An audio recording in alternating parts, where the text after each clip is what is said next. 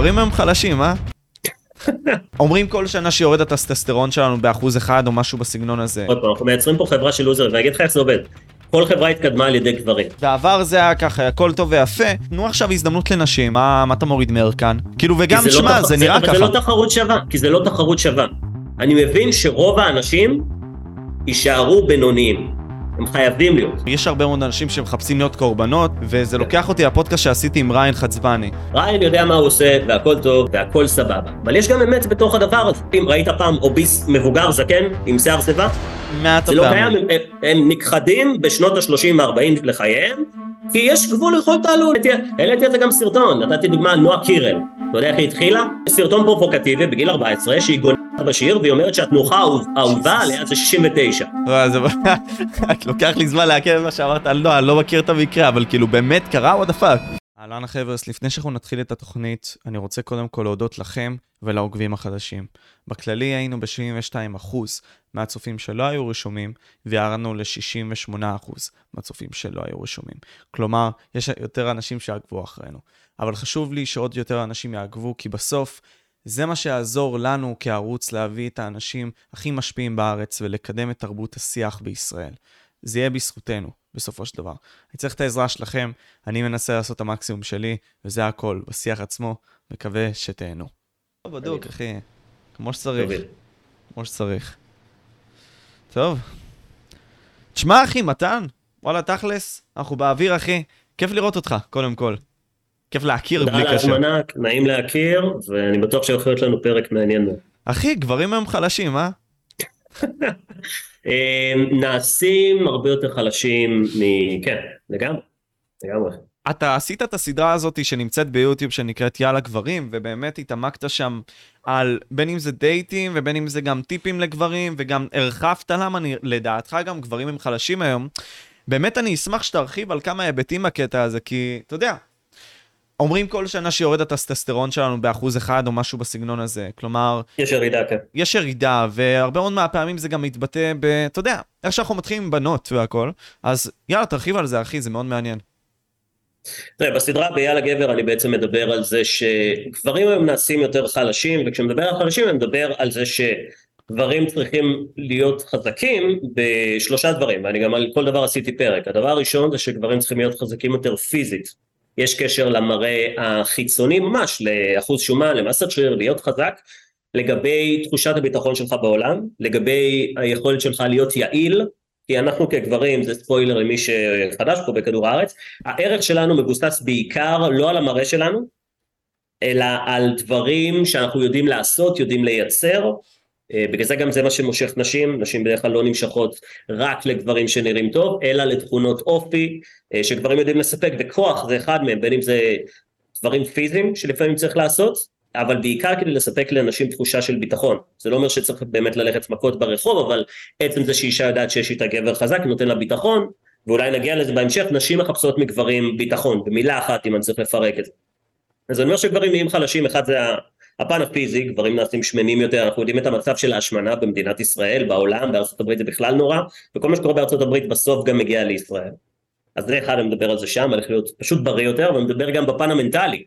זאת אומרת, אני מדבר על לאן התשומת לב של גברים היום הולכת, אם זה כל היום ברשתות החברתיות, או ריאליטי, או פורנו, אה, ואיך זה משפיע עלינו, והיכולת שלנו להישאר קרי רוח ולדעת לפתור בעיות, שזה עוד תכונה, זה עוד ביטחון, זה ביטחון, נשים מחפשות ביטחון פיזי, אבל מחפשות גם ביטחון מנטלי. ביטחון מנטלי זה על ידי זה שאישה יודעת, אבל אתה יודע מה, עזוב רק גברים שמחפשים זוגיות, גם גברים שרוצים לשכב עם נשים. היכולת שלך להראות לאישה שיש לך סנטר, שיש לך עמוד שדרה, שיש לך את המרכז שלך, ושלא משנה מה היא עושה, מה העולם עושה, אי אפשר להזיז אותך, נשים מוצאות את זה מאוד מושך, ובלי קשר עם דברים כאלה, אלה גם דברים שעושים יותר כסף. כן. שזה גם הדבר השלישי, שנשים מחפשות, ביטחון כלכלי. אז נשים מחפשות ביטחון פיזי, מנטלי, כלכלי מגברים, ואני מדבר על זה בסדרה, אני מלמד גברים איך לרכוש כל אחד מה, מהביטחון הזה.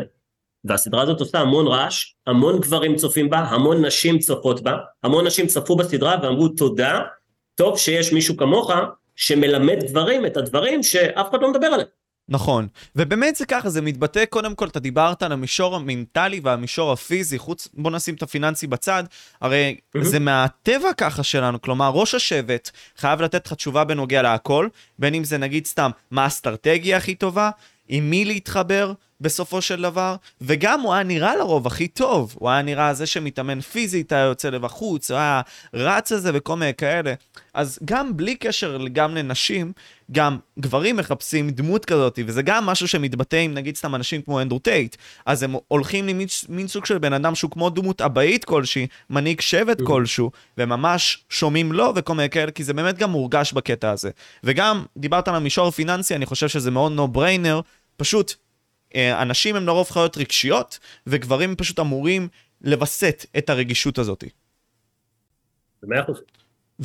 אתה מבין, כלומר, אתה אומר לי בסדרה הזאת הרבה מאוד טיפים בנוגע לגברים והכל, מאיפה אתה רואה, נגיד סתם בסביבה שלנו, אתה דיברת על הרשתות לרוב. מה הבעיה mm-hmm. שלנו בתור גברים? דיברת על זה כזה בנגיעות, בוא נדבר נגיד סתם על שוק הדייטים. איך אתה רואה שזה מתבטא באמת?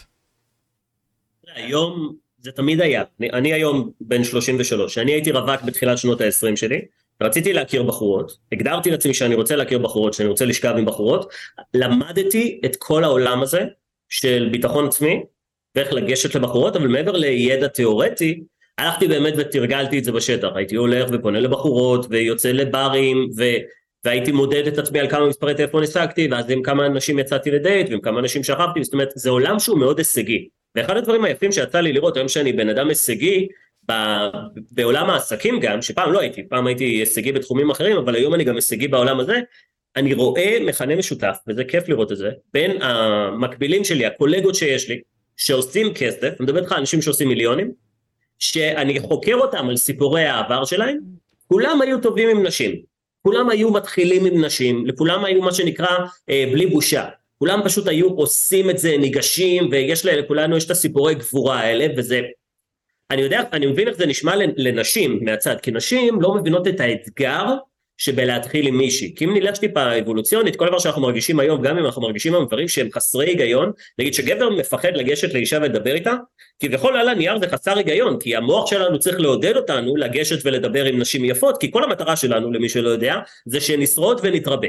זה הכל. אז המוח שלנו, במקום לעצור אותנו, במקום לדרבן אותנו לגשת לבחורה היפה ולדבר איתה, הוא עוצר אותנו והוא אומר לנו דברים כמו תישאר באזור הנוחות, שזה בעצם כל העולם של ההצלחה, זה יציאה מאזור הנוחות. אז ברגע שאתה מתרגל יציאה מאזור הנוחות במישור של נשים, אחרי זה גם בעולם העסקי זה הרבה יותר קל. וכשאישה נשים לא מבינות למה קשה לנו, לחלק מהגברים, לגשת לדבר עם נשים, ואם ניקח את זה למובנים אבולוציוניים, כולנו גדלנו בשבטים של 50 אנשים, של 100 אנשים, כמו שאמרת, ותחשוב שהיית חי בשבט של 50, של 100 אנשים, והיית ניגש למישהי, וזה לא היה עובד והייתה צוחקת עליך, מה היא הייתה עושה באותו רגע? הייתה מספרת, מאחלת, אחי. מספרת לכל, הח... לכל ה-30 נשים, כמה נשים גם מתוך השבט הזה, הן רלוונטיות אליך, כמה הן לא ילדות, לא מבוגרות, לא נשואות, לא זקנות, שנראות טוב, זאת אומרת בסוף מבין שבט יש לך איזה ארבע נשים שאתה יכול, פישלת עם אחת תספר לכולם אתה מחוק והגנים שלך לא יעברו הלאה. עכשיו זה נשמע מצחיק נכון? אבל זה ככה, כל דבר שקרה בצורה רפיטטיבית, חזרתית, עשרות אלפי שנים, כל הזמן, מלווה אותנו גם היום בשנות האלפיים, שגבר נעצר ומפחד לדבר עם מישהי, שזה כל התכלית שלנו כגברים הרי, להפיץ את הזרע שלנו, גברים מפחדים מזה, ואין להם את הדמויות, שקודם כל יסבירו להם מה זה, למה זה, ואיך מתגברים על זה, ולמה כדאי להם לעשות את זה ולא להמשיך לאונן מול פורנאב ופשוט לוותר לעצמם. אז אני, אני רואה את זה כל הזמן. אני מבין אותך, קודם כל, אני אקח את זה לשתי כיוונים, אתה מדבר איתי על המישור העסקי, יש לי כמה חברים שהם גם מנכ"לים של כמה חברות, ואתה יודע, בסוף... העניין הזה של להתפתח ולהיות חברה מצליחה ומשגשגת, יש סיפור הצלחה של מלא לא, של מלא סירובים, של הרבה מאוד אנשים שפשוט לא מאמינים ברעיון שלך.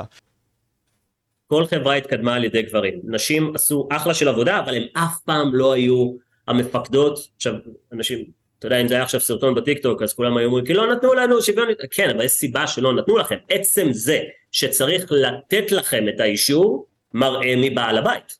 אז לאורך כל, כל, גם היום, זה לא כש... לא צריך לקחת אותך 200 שנה אחורה, גם היום, מי שמוביל הכל, מדינות וכסף וכלכלה ובנקים והכל, זה גברים. ואם התקדמנו רק על ידי גברים, והגברים נעשים חלשים יותר, זה בעייתי. כן, אבל יגידו לך עכשיו שתי דברים. דבר ראשון, אתה צודק, בעבר זה היה ככה, הכל טוב ויפה, היה, גברים היו הגייט קיפר, זה אנשים ששמרו על כל הדברים האלה שילכו טוב, אבל תנו, תנו עכשיו הזדמנות לנשים, אתה יודע, מהפכה פמיניסטית, כאילו, מה, מה אתה מוריד מערכן? כאילו, וגם, כי זה לא שמע, תח- זה נראה אבל ככה. זה לא תחרות שווה, כי זה לא תחרות שווה. יש סיבה שמפרידים בין ספורט בין גברים לנשים. מה, ייתנו שם שוויון הזדמנויות? כולנו יודעים איך זה ייגמר. אז כאילו העולם מקבל את זה שגברים יותר טובים מנשים בספורט, אבל העולם עדיין לא קיבל את זה שגברים יותר טובים מנשים גם בדברים אחרים, כמו להרוויח כסף, כמו להנהיג, כמו לשמור על קור רוח, כמו להוביל אנשים, כמו לחשוב בצורה שהולכת נגד הזרם. עכשיו, יכולים להגיד מה שהם רוצים, וכמובן שאנשים ימצאו עכשיו נשים שעשו את הדברים שאני מתאר, ויסתרו אותי, אבל אם אני אגיד לך עכשיו מה, מהראש שלך, מי הגברים הכי עשירים בעולם, אתה תדע להגיד לי, ואם אני אשאל אותך מי הנשים הכי עשירות בעולם, אין לך מושג, נכון. אף אחד לא יודע. אתה אומר ביחס לנשים, נגיד סתם המצליחות, בסדר? עומד, עומדים הרבה מאוד אנשים מצליחים אחרים, גברים. 99 אחוז לאחוז, זה הייתי אומר שהיחס, בטח. הבנתי. ותשמע, אולי האחוזים לא מדויקים פה, אבל זה העיקרון. התחרות מעולם לא הייתה שווה. העניין, וזה היופי, נשים היום אומרות שהן רוצות שוויון. עכשיו, לגבי כל הגברים שמאמינים לזה שנשים רוצות שוויון, הנה בואו תשמעו את זה ממקור טיפה שונה. נשים לא באמת רוצות שוויון. כי הם שומעים רק מנשים, אנחנו רוצות שוויון. הן לא באמת מתכוונות לזה, הן רוצות שוויון איפה שנוח להן, רוצות שוויון במשרות ההייטק, הן רוצות שוויון ב... אין לי מושג אפילו במה הן אומרות שהן רוצות שוויון, אני יודע אבל שהן לא רוצות שוויון בכל כך הרבה מקצועות ודברים שלא משרתות, שלא משרתים את האינטרס שלהם. זאת אומרת, שגברים לא יקנו את זה שנשים רוצות להילחם במלחמות ולמות, לא ראיתי את זה יותר מדי. או שנשים רוצות לעבוד במקצועות מסוכ... אה, ש... עם סכנה, או שאין בהם כסף, הן רוצות את המשרות בהייטק, הן רוצות אה, שכר שווה, שגם העניין הזה של שכר שונה לגברים ונשים, הפריחו את זה כל כך הרבה פעמים את החרטא הזאת, אבל גם ימשיכו לפמפם, כי יש איזשהו נרטיב שהעולם הולך אליו. העולם הולך לאיזשהו נרטיב, נרטיב למי שלא מבין, זה אומר הסיפור המנחה, לאן רוצים שנגיע. הסיפור המנחה זה שגברים הם אנשים רעים, נשים הם המסכנות, ושעושים פה אפליה. תקשיב טוב, אני מעסיק, יש לי 40 אנשים שאני מעסיק, אני משלם קרוב למיליון שכר בחודש לאנשים שאני מעסיק. אין היגיון בלשלם לאישה פחות ולגבר יותר, הייתי מעסיק רק נשים. זה שטות, זה לא קיים, אתם צריכים לדבר עם אנשים שבאמת מתעסקים בעולם הזה של כסף והעסקה, זה דברים שאנשים שמעו בטיק טוק והם פשוט מפמפמים את זה כי זה תורם לנרטיב שרוצים לקדם. אני מסכים, כלומר יש אה, דברים שנגיד סתם אנשים לא מתעמקים בהם, כמו נגיד סתם הריון. הריון בסופו של דבר מוריד מהשכר הממוצע עצמו, זה דבר ראשון. ויש לא, עוד- זה לא קשור אפילו להיריון, זה- אתה גם, נות- אני מת עליך, אבל אתה נותן את הטיעונים שכולם נותנים. גברים מרוויחים יותר כסף, אתה יודע מה הסיבה? מה הסיבה? הכי פשוט לא, שיש. אגרי, הם דיס- אוקיי. לא, הנה, הקהל שלך גם לא שמע את התשובה הזאת. אנחנו רוצים את זה יותר. זה הכל. גברים יודעים שהשווי והערך שלהם מבוסס על היעילות שלהם ומה שהם מביאים לשולחן וכל גבר רוצה לדעת שיש לו את היכולת לקלקל עם כף את המשפחה העתידית שתהיה לו ולדאוג לפרנסה וזה נכון שגם האישה יכולה להכניס כסף אבל לנשים יש פה במאחורה של הגולגולת את הידיעה שלא משנה מה כל עוד היא תמצא גבר יש רשת ביטחון כלכלית אבל גברים לא רואים בנשים רשת ביטחון כלכלית נכון. זה, זה, זה, זה אפילו בושה לגברים לחשוב בצורה הזאת. בשורה התחתונה יש שתי סיבות ללמה גברים עושים יותר כסף מנשים, אחד אנחנו רוצים את זה יותר כי השווי שלנו מבוסס בעיקר סטטוס חברתי שמגיע מכסף וכי אנחנו מתוכנתים לשמור ולהגן ולתת ביטחון וכסף היום זה הכלי. והדבר השני אנחנו גם טובים יותר בזה על ידי מאפיינים מולדים שיש לנו. כגון- דיסאגריבולנס כגן, נגד כגון- אגריבולנס, סתם דוגמה. כאילו, כאילו, נגיד סתם אנחנו כן, מסכימים, אנחנו מסכימים, נגיד סתם נו- נוטים פחות להסכים. לא, אנחנו נוטים פחות להסכים מאשר יותר להסכים, נגיד סתם עם נשים, נשים נוטות יותר להסכים, סתם דוגמה. כן, קשור למאזן הורמונלי, כן, בוודאי. גברים הם יותר קרי רוח, יש סיבה ש... ש... יש סיבה, כאילו, מי שחי בכדור הארץ יודע את מה שאני אומר. אנשים מנסים להתנגד את זה, כמו הדברים שאנחנו שומעים בארצות הברית על אה, ילדים וגברים שמחליטים שהם נשים, קטינים, שהם עושים שינוי למין, או אני מזדהה כחתול, אני מז- מזדהה כעכבר של מחשב. החרטות האלה, זה יגיע לישראל. כל דבר. שקורה בארצות הברית יגיע לישראל, ואם אנחנו לא נעיר את האנשים לפני, אנשים שקונים את הנרטיב שאומרים להם בחדשות וברשתות החברתיות, זה הולך לדפוק להם את המוח. זה הולך לדפוק להם את המוח, וזה זה כאילו, זה, זה, זה, זה כאילו רפואה מונעת מה שאני עושה עכשיו, או אנשים כמוני. לפני שהשטות הזאת תגיע מארצות הברית, בואו נדבר שנייה בהיגיון. עכשיו, כמובן שיש כאלה שאומרים, או, oh, סוף סוף מישהו שמדבר בצורה הזאת, חיכינו, ויש את רוב האנשים שאו נפגעים, אנחנו עכשיו במה שנקרא, אה, אני לא באתי להגיד באנגלית, insult culture, כמו שאמרת. אנחנו עכשיו בתרבות של העלבות. זה, הקטע היום זה להיעלב, ולהגיד קשה לי, וצחקו עליי, ולא מכבדים אותי, וכל אחד מוצא על מה לבכות.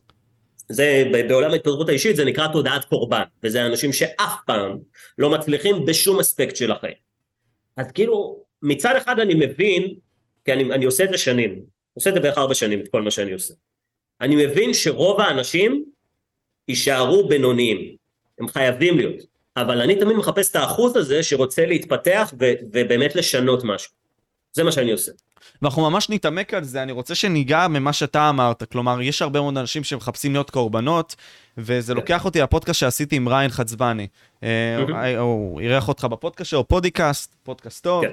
אה, היה לכם פרק גם מעניין, אה, הרבה מאוד דבר, גם דברים בנוגע לגברים ונשים, שמאוד אמרת והרחבת עליהם בצורה טובה ממש. אני רוצה לגעת בנקודה הזאת של מאיה לי לוי, מאיה דגן וכל מיני כאלה.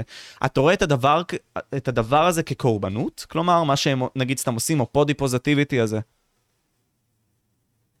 לכולן, אני לוקח אותך קצת ל deep shit של עולם ההתפתחות האישית. לכל אחד מאיתנו יש את הסיפור הפנימי. לכל אחד יש סיפור פנימי. יש אנשים שהסיפור הפנימי שלהם זה שאני אדם, כאילו אני לא אני, יש אנשים שהסיפור הפנימי שלהם זה שאני אדם ביישן, שאני אדם אה, שאף אחד לא אוהב, ואנחנו תמיד פועלים בהלימה לסיפור הפנימי שלנו. עכשיו אם יש בן אדם שהסיפור הפנימי שלו זה אני מצחיק, אני ליצן, הוא יפעל בהלימה לדבר הזה. אם התדמית שלי, הסיפור הפנימי שלי, אני בן אדם מצליח, אני בן אדם חזק, אני גם אפעל בהלימה על זה. וכשהתדמית שלך זה אני, אה, מישהי במקרה הזה, שגורמת לנשים, לא רוצה להגיד לחיות בשקר, אבל אמרתי, שזה יפה כמו אישה רזה, או שזה בריא כמו אישה רזה, וזה הסיפור הפנימי שלי, יש לי שתי אפשרויות, או להודות שטעיתי, אבל בשלב מסוים אתה מטפס על עץ כל כך גבוה, זה גם קורה לריין עכשיו, הריין עכשיו מטפס על עץ מאוד גבוה, שלהגיד עכשיו טעיתי ולחזור בי, זה כאילו לרדת מהעץ, אז הוא כבר נשאר על העץ. אז גם אותם נשים, שאתה תיארת, אני לא כל כך מכיר אותם מדי, אני רואה, רואה את זה ברשתות החברתיות, אני מבין את הסיטואציה, הם טיפסו על עץ מאוד גבוה, שהן כבר מבינות שהן מתחילות לדבר שטויות, אבל לרדת מהעץ ולהגיד טעיתי, טוב זה באמת לא בריא, או שגברים באמת לא אוהבים נשים שמנות, כאילו לחזור בהם, יש פה עכשיו הרבה יותר בושה, מאשר פשוט לזרום עם, ה, עם הנרטיב שהן מספרות. אז זאת הגישה שלי לגבי הדבר הזה. אז קודם כל, האם אתה חושב שעצם העובדה שהן מעלות את זה לרשתות, כלומר, נניח, את זה שהן מתלבשות, לא אגיד חשוף, אבל נגיד סתם מאוד כזה בביקיני, סתם דוגמה, והן מאוד מאוד שמנות, כדוגמה, זה מקדם איזושהי אג'נדה שהיא רעה, ולא צריך לתת להם לעשות את זה, או שאתה יודע, נגיד סתם השוק החופשי אין מה לעשות, שיעשה מה שהוא רוצה, אבל זה מזיק. אחי, תקשיב, שכל אחד יעשה מה שבזין שלו, באמת אחי, מה שהם רוצים. אבל הבעיה, ואנשים יגידו שגם אני עושה את זה, ואני מבין את זה, זה להשפיע על אנשים שנמצאים על הגדר. תראה, כשאני עכשיו אישה שמנה ואני רואה אישה שמנה שאומרת תרגישי אה, טוב כמו שאת, אני, אז יש לי שתי אפשרויות, או שאני אגיד או סוף סוף מישהי שמאשרת לי את המצב שאני נמצאת בו, שאגב אני אקביל לך את זה למקום אחר, עכשיו יוצר תוכן, הומלס שגר ברחוב, שמייצר תוכן להומלסים, ואומר תמשיכו לגור ברחוב הכל בסדר, ואז יש שתי הומלסים, אחד שיגיד לא אני רוצה להתפתח, ועוד, ואני מניח שזה רוב ההומלסים, סוף סוף מישהו שמדבר כמוני, וזה גורם לך לא לשפר את המצב שלך, זה גורם לך שלא, זה ההפך מעולם ההתפתחות האישית. עולם ההתפתחות האישית זה עולם שאתה מציב לעצמך מטרות, שבדרך להשגתן אתה מתפתח ונהפך לבן אדם טוב יותר. פחות בשביל המטרה, בעיקר בשביל הדרך.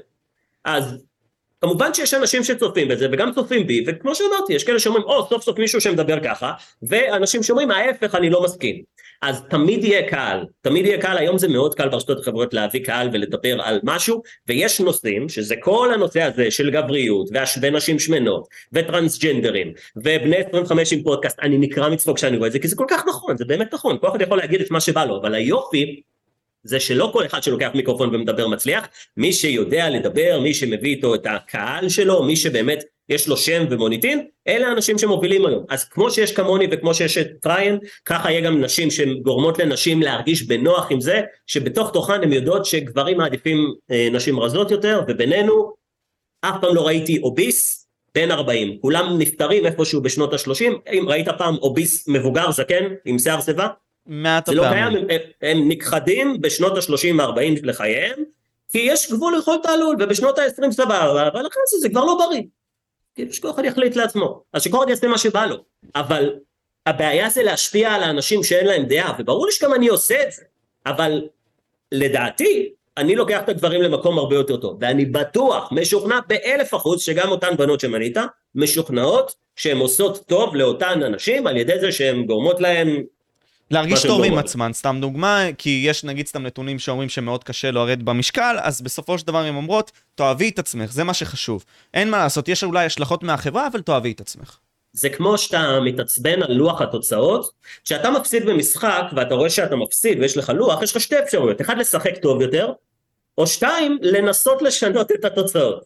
אז כשנשים אומרות, אתם לא מבינים, נש, אישה, אישה שמנה זה יפה, זה לנסות לשנות את התוצאה.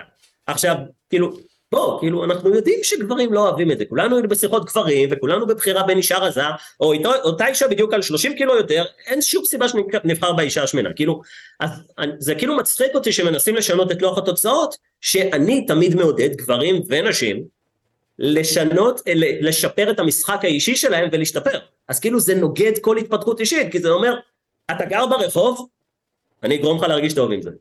הבנתי. הבנתי, לתת תמריץ לא במקום הנכון, ואני מבין את זה, אבל כתגובה, נגיד סתם למה שקרה לריין, מה, מה יש לך להגיד? כי אתה יודע, הרבה מאוד אנשים יצאו עליו ברשת. אה, בצדק, אחי, כן, אני מסכים, למה בן אדם דיבר? סתם, מת עליו. לא, אבל אני אגיד לך מה, אני אגיד לך מה, אני חושב שמה שהוא אמר מאוד פרובוקטיבי, אה, אני אגיד שהוא יכל להגיד את זה אחרת, אולי זה טוב, אולי זה רע. ריין יודע מה הוא עושה והכל טוב ולא סתם יש לו כל כך הרבה צפיות והוא מבין את זה וזה ברור לכולם והכל סבבה. אבל יש גם אמת בתוך הדבר הזה.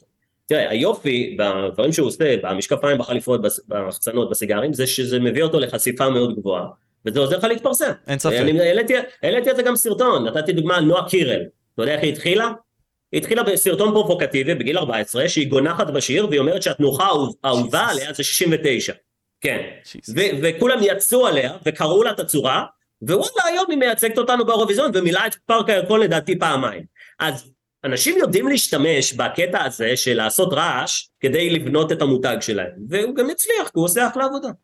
וואו, את לוקח לי זמן לעכל מה שאמרת, לא, אני לא מכיר את המקרה, אבל כאילו באמת קרה the fuck. הזוי, הזוי, הזוי, מעניין. אבל אתה אומר בסופו של דבר שישים בראש שלו, הוא לא אמר פה משהו שמסכן literally חיים של אנשים, משהו שהוא כן פוגע. אני לא מכיר את כל האמירות, אבל גם בתור אחד שהפילו לו את האינסטגרם, לא יודע אם זה מתחזים או... כאילו, אני גם אחד שעושה המון כסף מהאינסטגרם, יש לי המון מתחרים שיש להם אינטרס להפיל אותי. אבל גם בטיקטוק יש ביטולים וסרטונים, ואתה יודע, אתה יכול להעלות סרטונים שאתה חושב שהם כאילו פוגעים, אבל הם לא פוגעים, אבל איך שאתה יוצא על נשים שמנות, או איך שאתה יוצא על, אה, על טרנסג'נדרים, זה נעצר ברגע, ואז אתה אומר, כאילו מישהו תכנת את הקוד של האלגוריתם של הטיק טוק של האינסטגרם, והוא רשם שם זה בסדר, זה לא בסדר, וכאילו מה שמעניין אותי זה למה הוא החליט שזה לא בסדר.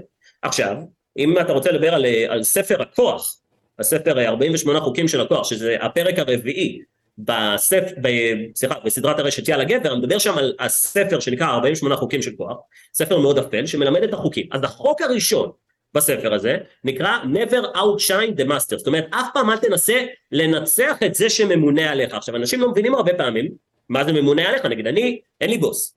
אז כאילו אנשים שואלים רגע מתי אני ממונה עליך? מרק צוקרברג, ממונה עליי, אני פועל בתוך הפלטפורמה שלו, אני עושה מזה כסף, הוא הבוס של הפלטפורמה, אם אני בא לו לא בטוב, מי זה מתן? הוא מעיף אותי. ולכן אנשים, יוצרי תוכן כמוני, שכאילו מצד אחד רוצים להגיד את האמת, מאמינים בצדקת הדרך שלהם ורוצים להגיד את האמת. מנגד חייבים להבין את חוקי המשחק, את חוקי הכוח, זאת לא הפלטפורמה של אבא שלך, יעיפו אותך משם, אם תצליח לחזור על ידי זה שתשלם כסף להאקרים ודברים כאלה זה יעבוד, עד שלב מסוים. ובגלל זה אני מעודד גברים להכיר את הספר הזה, את חוקי הכוח, כי לא סתם זה החוק הראשון, וזה מסביר את מה שקרה פה, אז גם אני, אני מבין את החוקים של הפלטפורמות שאני נמצא בהם, וזה מבאס, שאני לא יכול לדבר בצורה מאוד גלויה על הקורונה, ואני לא יכול לדבר בצורה מאוד גלויה על נשים וגברים, כי מצד אחד יש לי גם אינטרס כלכלי לשמור על הפלטפורמה שלי, אז אתה כאילו צריך להיות חכם איפשהו באמצע ולדעת איך לעשות את זה, ויש גם פלטפורמות כמו יוטיוב שהן יותר, אה, כאילו יותר זורמות עם אה, מסרים כאלה. נכון. סרטון ביוטיוב שיורד זה פחות... אה, פחות קורה. זה חזק מה שאמרת, מתן, כי קודם כל, אני נגיד סתם שמתי רשימה של כזה חמישה שממש אהבתי מהספר עצמו, וזה היה באמת הראשון, Never Outshine the Master, כלומר, החיים הם משחק לדעתי, ונראה לי גם תסכים איתי באיזשהו מקום, ש... נגיד, אתה נתת את הדוגמה של מרק צוקרברג, זה מצוין, כי נגיד סתם אתה נמצא בפייסבוק, מי שרוצה שיעקוב בכללי, אחרי מתן שמה, ואני אגיד שאם אתה מעלה... באינסטגרם, לא בפייסבוק. לא, בסדר, גם אתה בפייסבוק, באינסטגרם, ביוטיוב, כל הקישורים למטה, בלי קשר. פייסבוק זה הזקנים שמפגינים לי על הרפורמה מתחת לבית, לא, לא קל.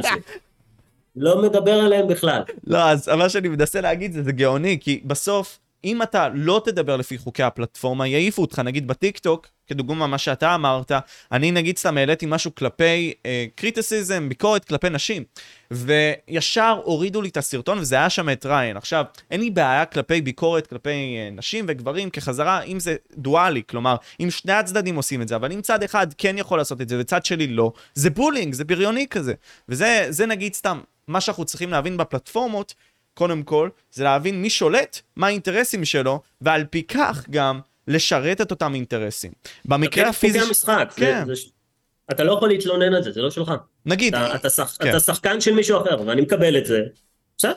אבל אם נגיד סתם אני עובד אצלך, בוא ניקח את זה ליותר פרקטי, או בצבא, סתם דוגמה, יש קצין מעליי, אתה גם היית קצין, כן. היית בקבע וזה, נגיד סתם mm-hmm. הייתי חייל שלך והייתי רוצה לעשות רושם טוב בעיניך, בסוף, על פי חוקי הכוח, אני לא צריך לקחת קרדיט לעצמי אם אני עושה אפילו עבודה טובה יותר ממך, או לוקח על עצמי הרבה מאוד דברים. בסוף, אני צריך שאתה תיקח את הקרדיט, מספיק תאריך את העבודה שלי, כדי שלא ינצלו אותך, אבל זהו, פה זה מסתכם.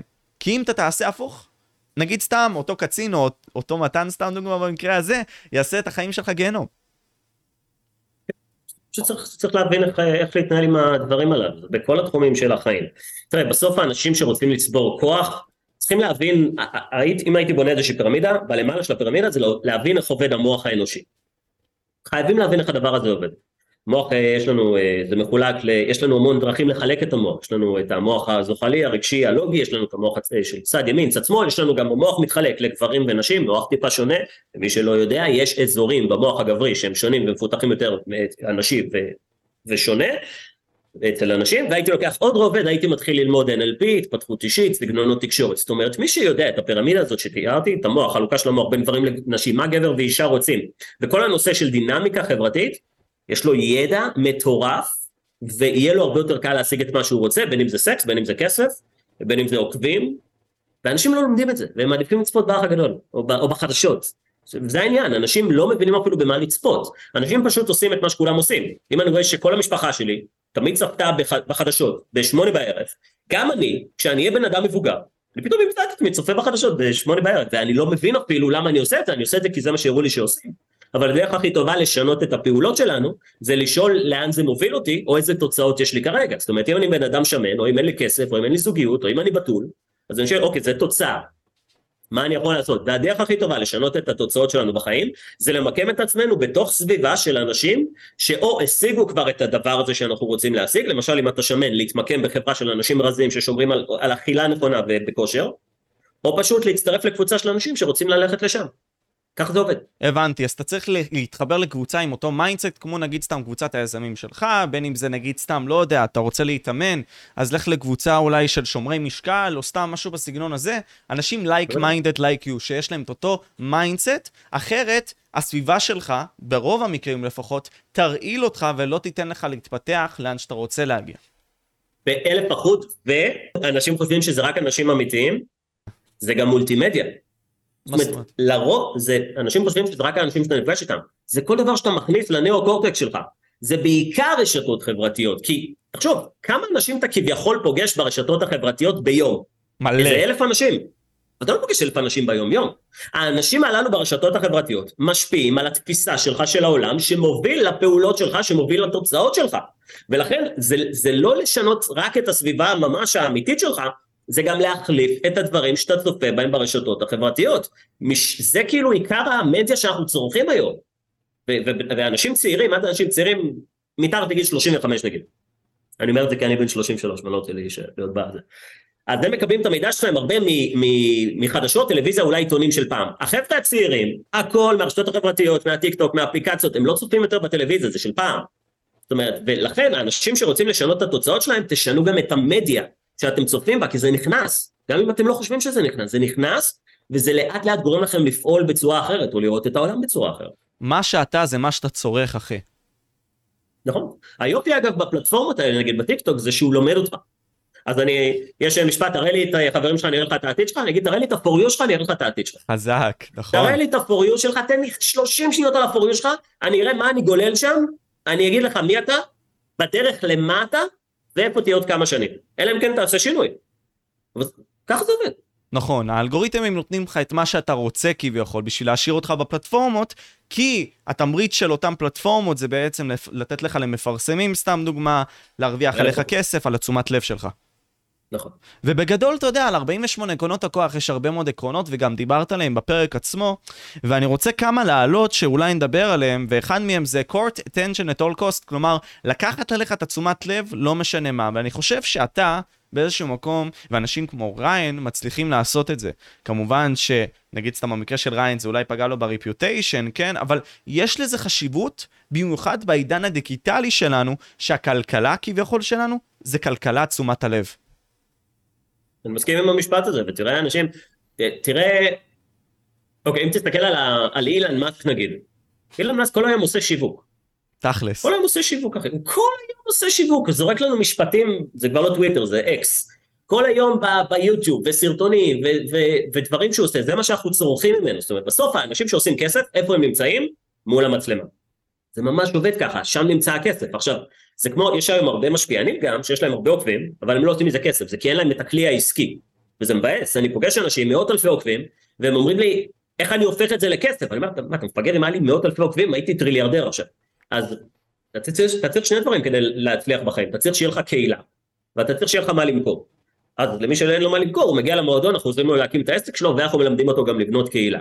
אבל זה נכון, אנחנו נמצאים היום בתרבות שבהם אם אתה מוכר שירות, מה זה שירות? אם אתה עוזר לאנשים להשתפר, אם אתה עוזר לאנשים להשיג את מה שהם רוצים, אתה חייב להיות מוכר, ודרך מאוד טובה להיות מוכר זה לעשות רעש ברשתות החברתיות, וכמו העקרון של הכוח, למשוך תשומת לב בכל מחיר, גם כשתקבל תגובות שליליות, קח את הדוגמה של נועה קירל, יש המון דוגמאות, אה, גם אה, קים קרדשיאן התחילה, אתה יודע איך התחילה קים קרדשיאן? ריי ג'יי נראה לי, היא עשתה סקסטייט משהו. סרט אה, אה, פורנו, לדעתי מיליארדרית היום, דודו פארוק אני גם נותן את הדוגמה שלו, והוא, והוא מוכר והוא מצליח והוא עושה כסף, זאת אומרת האנשים הפרובוקטיביים, תרצה או לא תרצה, דונלד טראמפ, אומרת בסוף אלה אנשים שאנחנו צופים בהם, שעושים כסף, עכשיו אתה יכול להגיד שזה דפוק, אבל אז אתה כאילו, אני קורא לזה להילחם בגשם, כי אם אתה בוכה על זה שיורד גשם, אז אתה מטומטם. אז יש לך שתי אפשרויות, או לא לבכות על זה שיורד גשם, או להבין מה אתה צריך לעשות, שבמקרה הזה זה אומר אוקיי, אנחנו בכלכלת תשומת לב, אתם יכולים לחשוב שזה מטומטם, יש לכם שתי אפשרויות, לחשוב שזה מטומטם ולהמשיך לא להציג כסף או עוקבים או מה שאתם רוצים, או להיכנס למשחק. כי אתם לא תשנו את המשחק.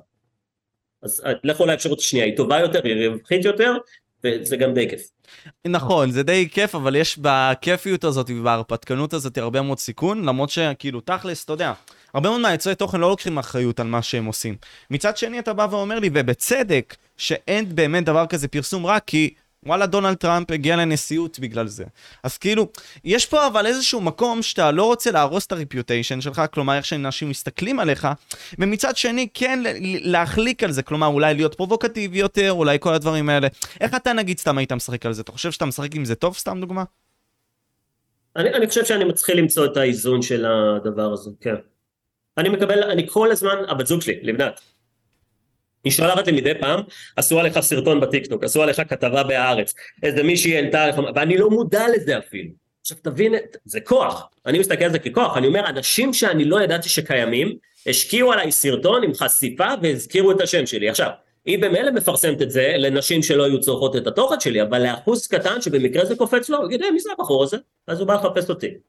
זה מראה לך על הכוח של הדבר הזה, וזה מה שקורה. אתה, אם אתה רוצה שיאהבו אותך, לך תפתח דוכן גלידה. אם אתה רוצה להצליח היום, אתה חייב לעצבן אנשים. עכשיו, אתה יכול לעשות את זה במכוון, ואתה יכול גם לעשות את זה, מה שנקרא, בטעות, כי אתה פשוט אומר את דעתך. זה לא באמת משנה. אני אגיד לך יותר מזה, גם הבנות השמנות שאתה מדבר עליהן, מבינות שיווק.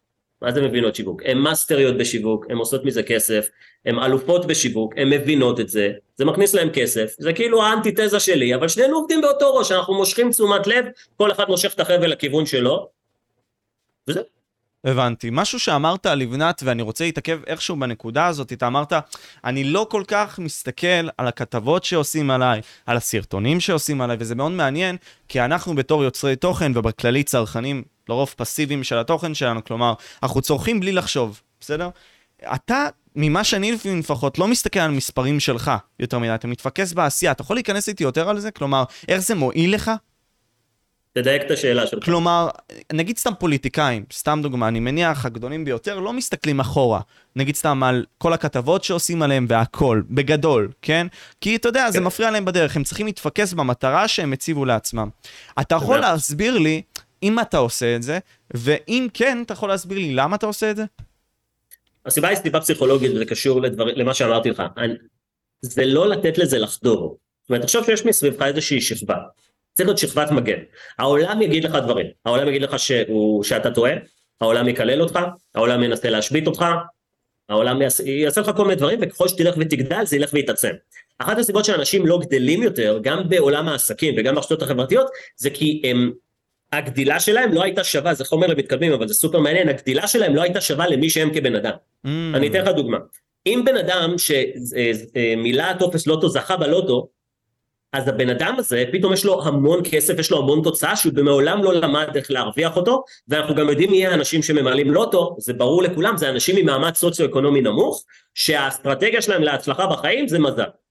אז שבן אדם כזה פתאום זוכה בהמון כסף, אין הלימה בין התוצאה לבין הבן אדם ומה קורה לאותם אנשים, סטטיסטית, רובם המכריע מפוצץ את הכסף תוך כמה שנים ואפילו נכנס לחובות.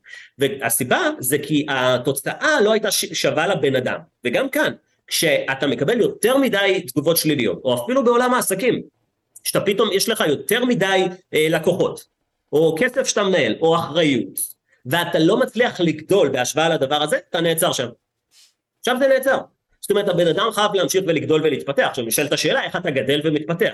שני דברים. הדבר הראשון זה לא להכניס דברים מעכבים. מה זה דברים מעכבים? כל, כל הסביבה השלילית. אז כמובן שזה קודם כל אנשים שליליים בחייך, אבל דבר שני, וזה לגבי השאלה ששאלת, לא להכניס דברים שמוציאים אותך מצדקת הדרך שלך כי אתה יודע שאתה צודק, ותמיד יהיה את ארנולד שוורצנגר, קורא להם the naysayers, אלה שיגידו לך לא, הם תמיד יגידו, העניין זה לשים אוזניות כאלה ובאמת לא להקשיב.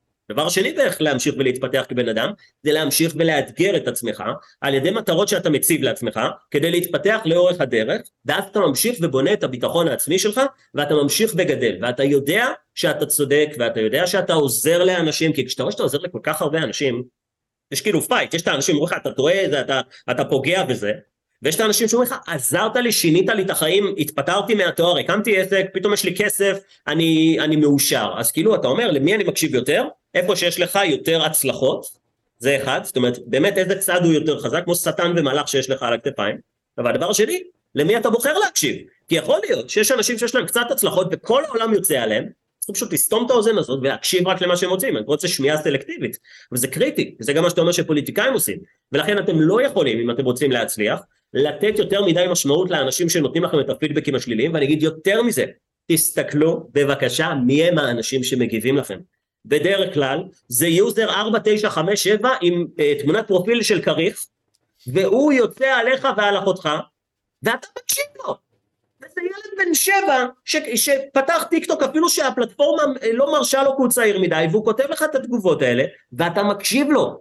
ואתה יוצא מהמסלול שלך ומה center שלך שדיברתי עליו מקודם שזה מה שחסר היום לגברים ואנשים פורשים מהמשחק עוד לפני שהם התחילו. שימו לב גם מי האנשים שנותנים לכם את הפידבקים. שוב אם זה בן אדם אתה יודע ש, שאתה אומר אני רוצה להיות כמוהו מבין עניין יש לו תוצאות אני, אני כמתן אני אעצור אני אגיד רגע שנייה מה קורה פה אבל שאני רואה מי מגיב לי. אני אומר כאילו יופי אחלה עבודה. כן, אתה רואה את הפוזיטיב או את החיובי בוא נגיד ככה, ומשם מבין שכל עוד קונים ממך, נגיד סתם אם אתה מוכר איזשהו מוצר, כל עוד קונים ממך בסופו של דבר, ואתה כן מתפתח וכן עומד במטרות שלך, בוא נגיד ככה, לרוב המקרים אתה עושה דבר שהוא סבבה. ואם זהו לא משהו שהוא סבבה מוסרית, זה כבר שלך. אבל אין למה להסתכל על התגובות השליליות האלה, כי הם מסיחים אותך מהמטרה עצמה שאתה רוצה להשיג אותה, וזה הכל. הכל זה עניין של פוקוס. באיזשהו מקום. כלומר, זה פוקוס, הכל. פוקוס, אני נותן דוגמה, אה, אה, יצא לך להחזיק פעם עם 16? אה, לא. ב-M16, באלה של פעם, קיבלנו מארצות הברית ב-1970, אתה, יש לך כוונת ברזל, וכוונת ברזל זה שתי כוונות שאתה צריך להצליב ביניהם, ואז אתה פוגע במטרה. אין שם איזה אמצעי אופטי, אין שם משהו שמקרב או מרחיק, כמו של נשק צלפים. אבל כשאתה מסתכל דרך הכוונת ברזל הזאת, המאפנה הזאת שיוצרה לפני 50 שנה, אתה פוגע במטרה וכאילו על, על הציפורן שלך אתה פוגע למרחק מאוד גדול, אבל היא לא הגדילה. הדבר היחיד שהכוונת המאפנה הזאת עשתה, זה נטרלה אותך מכל המסביב, מכל ההסחות דעת שיש מסביב, היא העלימה את זה, וגרמה לך להסתכל אך ורק על הנקודה שאתה רוצה לפגוע בה, ואתה גם פוגע בה. וזה בדיוק העניין של פוקוס, וזה בדיוק העניין של לא להקשיב לכל המסביב ולהתמקד רק במה שאתה עושה. ואם זה עובד בכלי נשק, בטוח שזה עובד גם בעולם ההצלחה ובעולם העסקים, ברשתות החברתיות, הבעיה שאנשים לא מבינים את זה. והם חושבים שצריך לתת משמעות לכל הרעשי רקע שמסביב. אז הנה אני כאן, בתור יוצר תוכן, שעושה כסף, שמוביל דעת קהל, אומר לכם, זה שטויות, אתם לא צריכים להקשיב לזה, אתם צריכים להתמקד רק בדרך שלכם. נכון. כלומר, תפיסת העולם שלנו, שלנו בסוף מוגבלת על ידי המציאות עצמה. אנחנו צריכים באמת להתפקס במשהו, בואו נבחר במה שבאמת מקדם אותנו ומביא אותנו להצלחה, ובאמת גורם לנו להיות הכי טובים שאנחנו יכולים להיות. מאה. מאה אחוז. ואתה יודע, מפה זה לוקח אותי באיזשהו מקום ליזמות שלך, אתה יודע, כי מה זה מועדון היזמות? אתה יודע, זה, זה משהו יפה, נראה לי שאתה באמת עשית. לא נראה לי, אני די בטוח שהמטרה היא חיובית. תסביר לי באיזשהו מקום, מה רצית לעשות פה? באיזשהו mm. מקום עם מועדון היזמות, עם עמרי גם, וכל הדברים האלה, ומאיזה מקום זה הגיע אצלך גם? מועדון היזמים זה מקום שעמרי השותף שלי ואני הקמנו לפני שנה וחצי, בינואר 22. בעצם המקום הזה, כל המטרה שלו, זה לעזור לאנשים שהבינו שהם לא רוצים להיות שכירים, שהבינו שהם רוצים להקים עסק, ושהבינו שהם רוצים לשאוף בחיים להרבה יותר מללכת לעבודה שהם לא סובלים ולשנוא את ימי ראשון ולעשות תואר ולהיות כמו האדם הממוצע שמרוויח בערך 9,000 שקלים, זה השכר הממוצע במדינת ישראל, לכל האנשים הללו שאני קורא להם שהתעוררו, כמו שאני קורא לזה בספר שלי, ואז הם אומרים, אוקיי, אז אני מבין שאני לא רוצה ללכת לאקדמיה, כי המסלול של האקדמיה הוא מאוד ברור, אתה משתחרר, לך תעשה פסיכומטריה, השלמת בגרויות, תבחר בגיל 22, איזה מקצוע אתה רוצה שיהיה לך כל החיים, אפילו שמכונות הולכות למחוק ב-20 שנה הקרובות את רוב המקצועות שיש היום, ואנשים בגילאי 50 הולכים, יצטרכו לחזור בחזרה ל mindset של גיל 20 ולהתחיל הכל מההתחלה, בהצלחה להם. אז זה ברור אם אתה רוצה להיות שכיר וממוצע ובינוני ולעשות תואר, זה ברור מה צריך לעשות, לך תעשה תואר, שים שם את כל הכסף שלך, תשרוף את השנים הכי יפות שלך להצלחה שלך, הכי יפות שלך, שאתה רווק שאתה בשנות ה-20, ותחזור לבית הספר שאתה מצטנית את זה כדי שתהיה שכיר ועבד של מישהו אחר.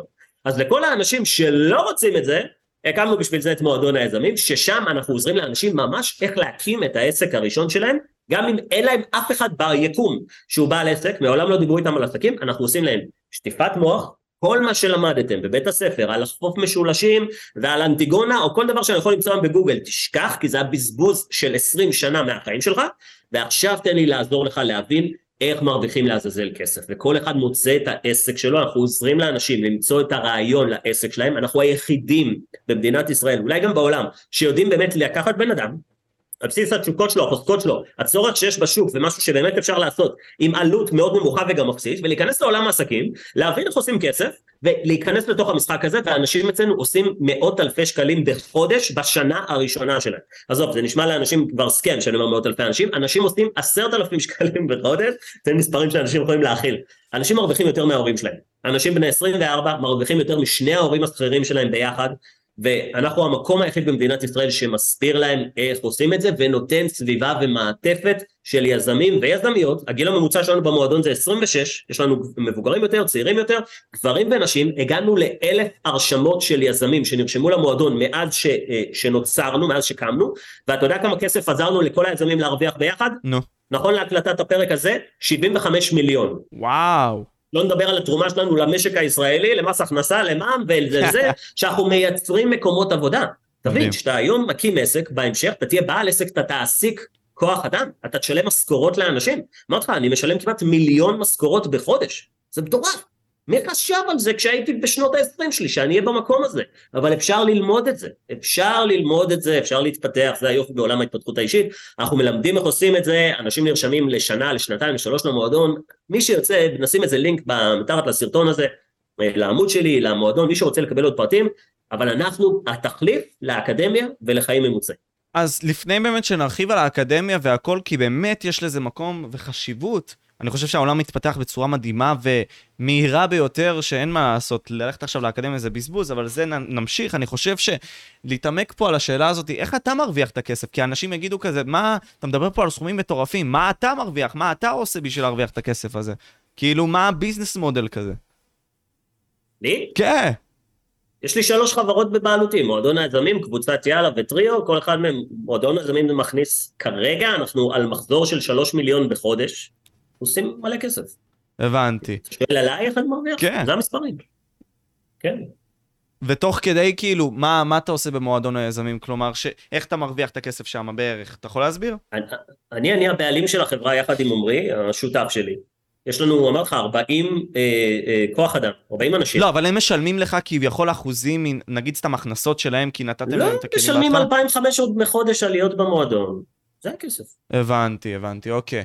אתה דיברת על האקדמיה, ובוא נרחיב על זה, כי זה מעניין. אתה יודע, קודם כל יש את המוקס, לא יודע אם שמעת על זה, אבל המוקס זה כאילו האקדמיות הציבוריות שיש בעצם לנו בארצות הברית. בארצות הברית בדיוק, כלומר, הרווארד וכל הדברים האלה מונגש לי המטומטם, אני יכול לחקור מה שאני רוצה, להתעמק באיזה קורס שאני רוצה. זה דבר ראשון. דבר שני, אתה אמרת ואתה צודק בנוגע לבינה מלאכותית, כן? שתכל'ס זה יחליף את רוב האנשים הממוצעים, יש אנשים שמציעים מציאות של, אתה יודע, שכר קבוע, כל הזמן, mm-hmm. קוראים לזה Universal mm-hmm. Basic Income, ויש את המציאות שאתה מתאר, שאולי לא נלך לדבר כזה, ומי שיהיה בן 50 יצטרך ללמוד, אין מה לעשות, יאכל את החרא.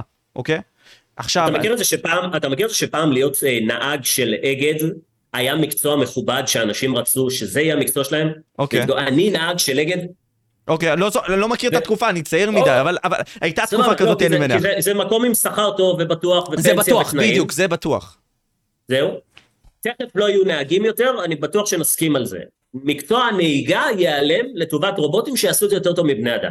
אני מאמין, תקשיב טוב, שהנהגים של פעם שהתגאו שהם באגד, זה אנשים שהולכים היום ולומדים מדעי המחשב, מדעי אה, תוכנה, הנדסת חומרת, דברים כאלה, שהולכים להייטק, ואני בהייטק, עוד כמה שנים רובוט יחליף אתכם, ואז אה, כמו מה שאתם חושבים היום על אנשים, כי היום אף אחד לא אומר אני רוצה להיות נהג, צוחקים עליו.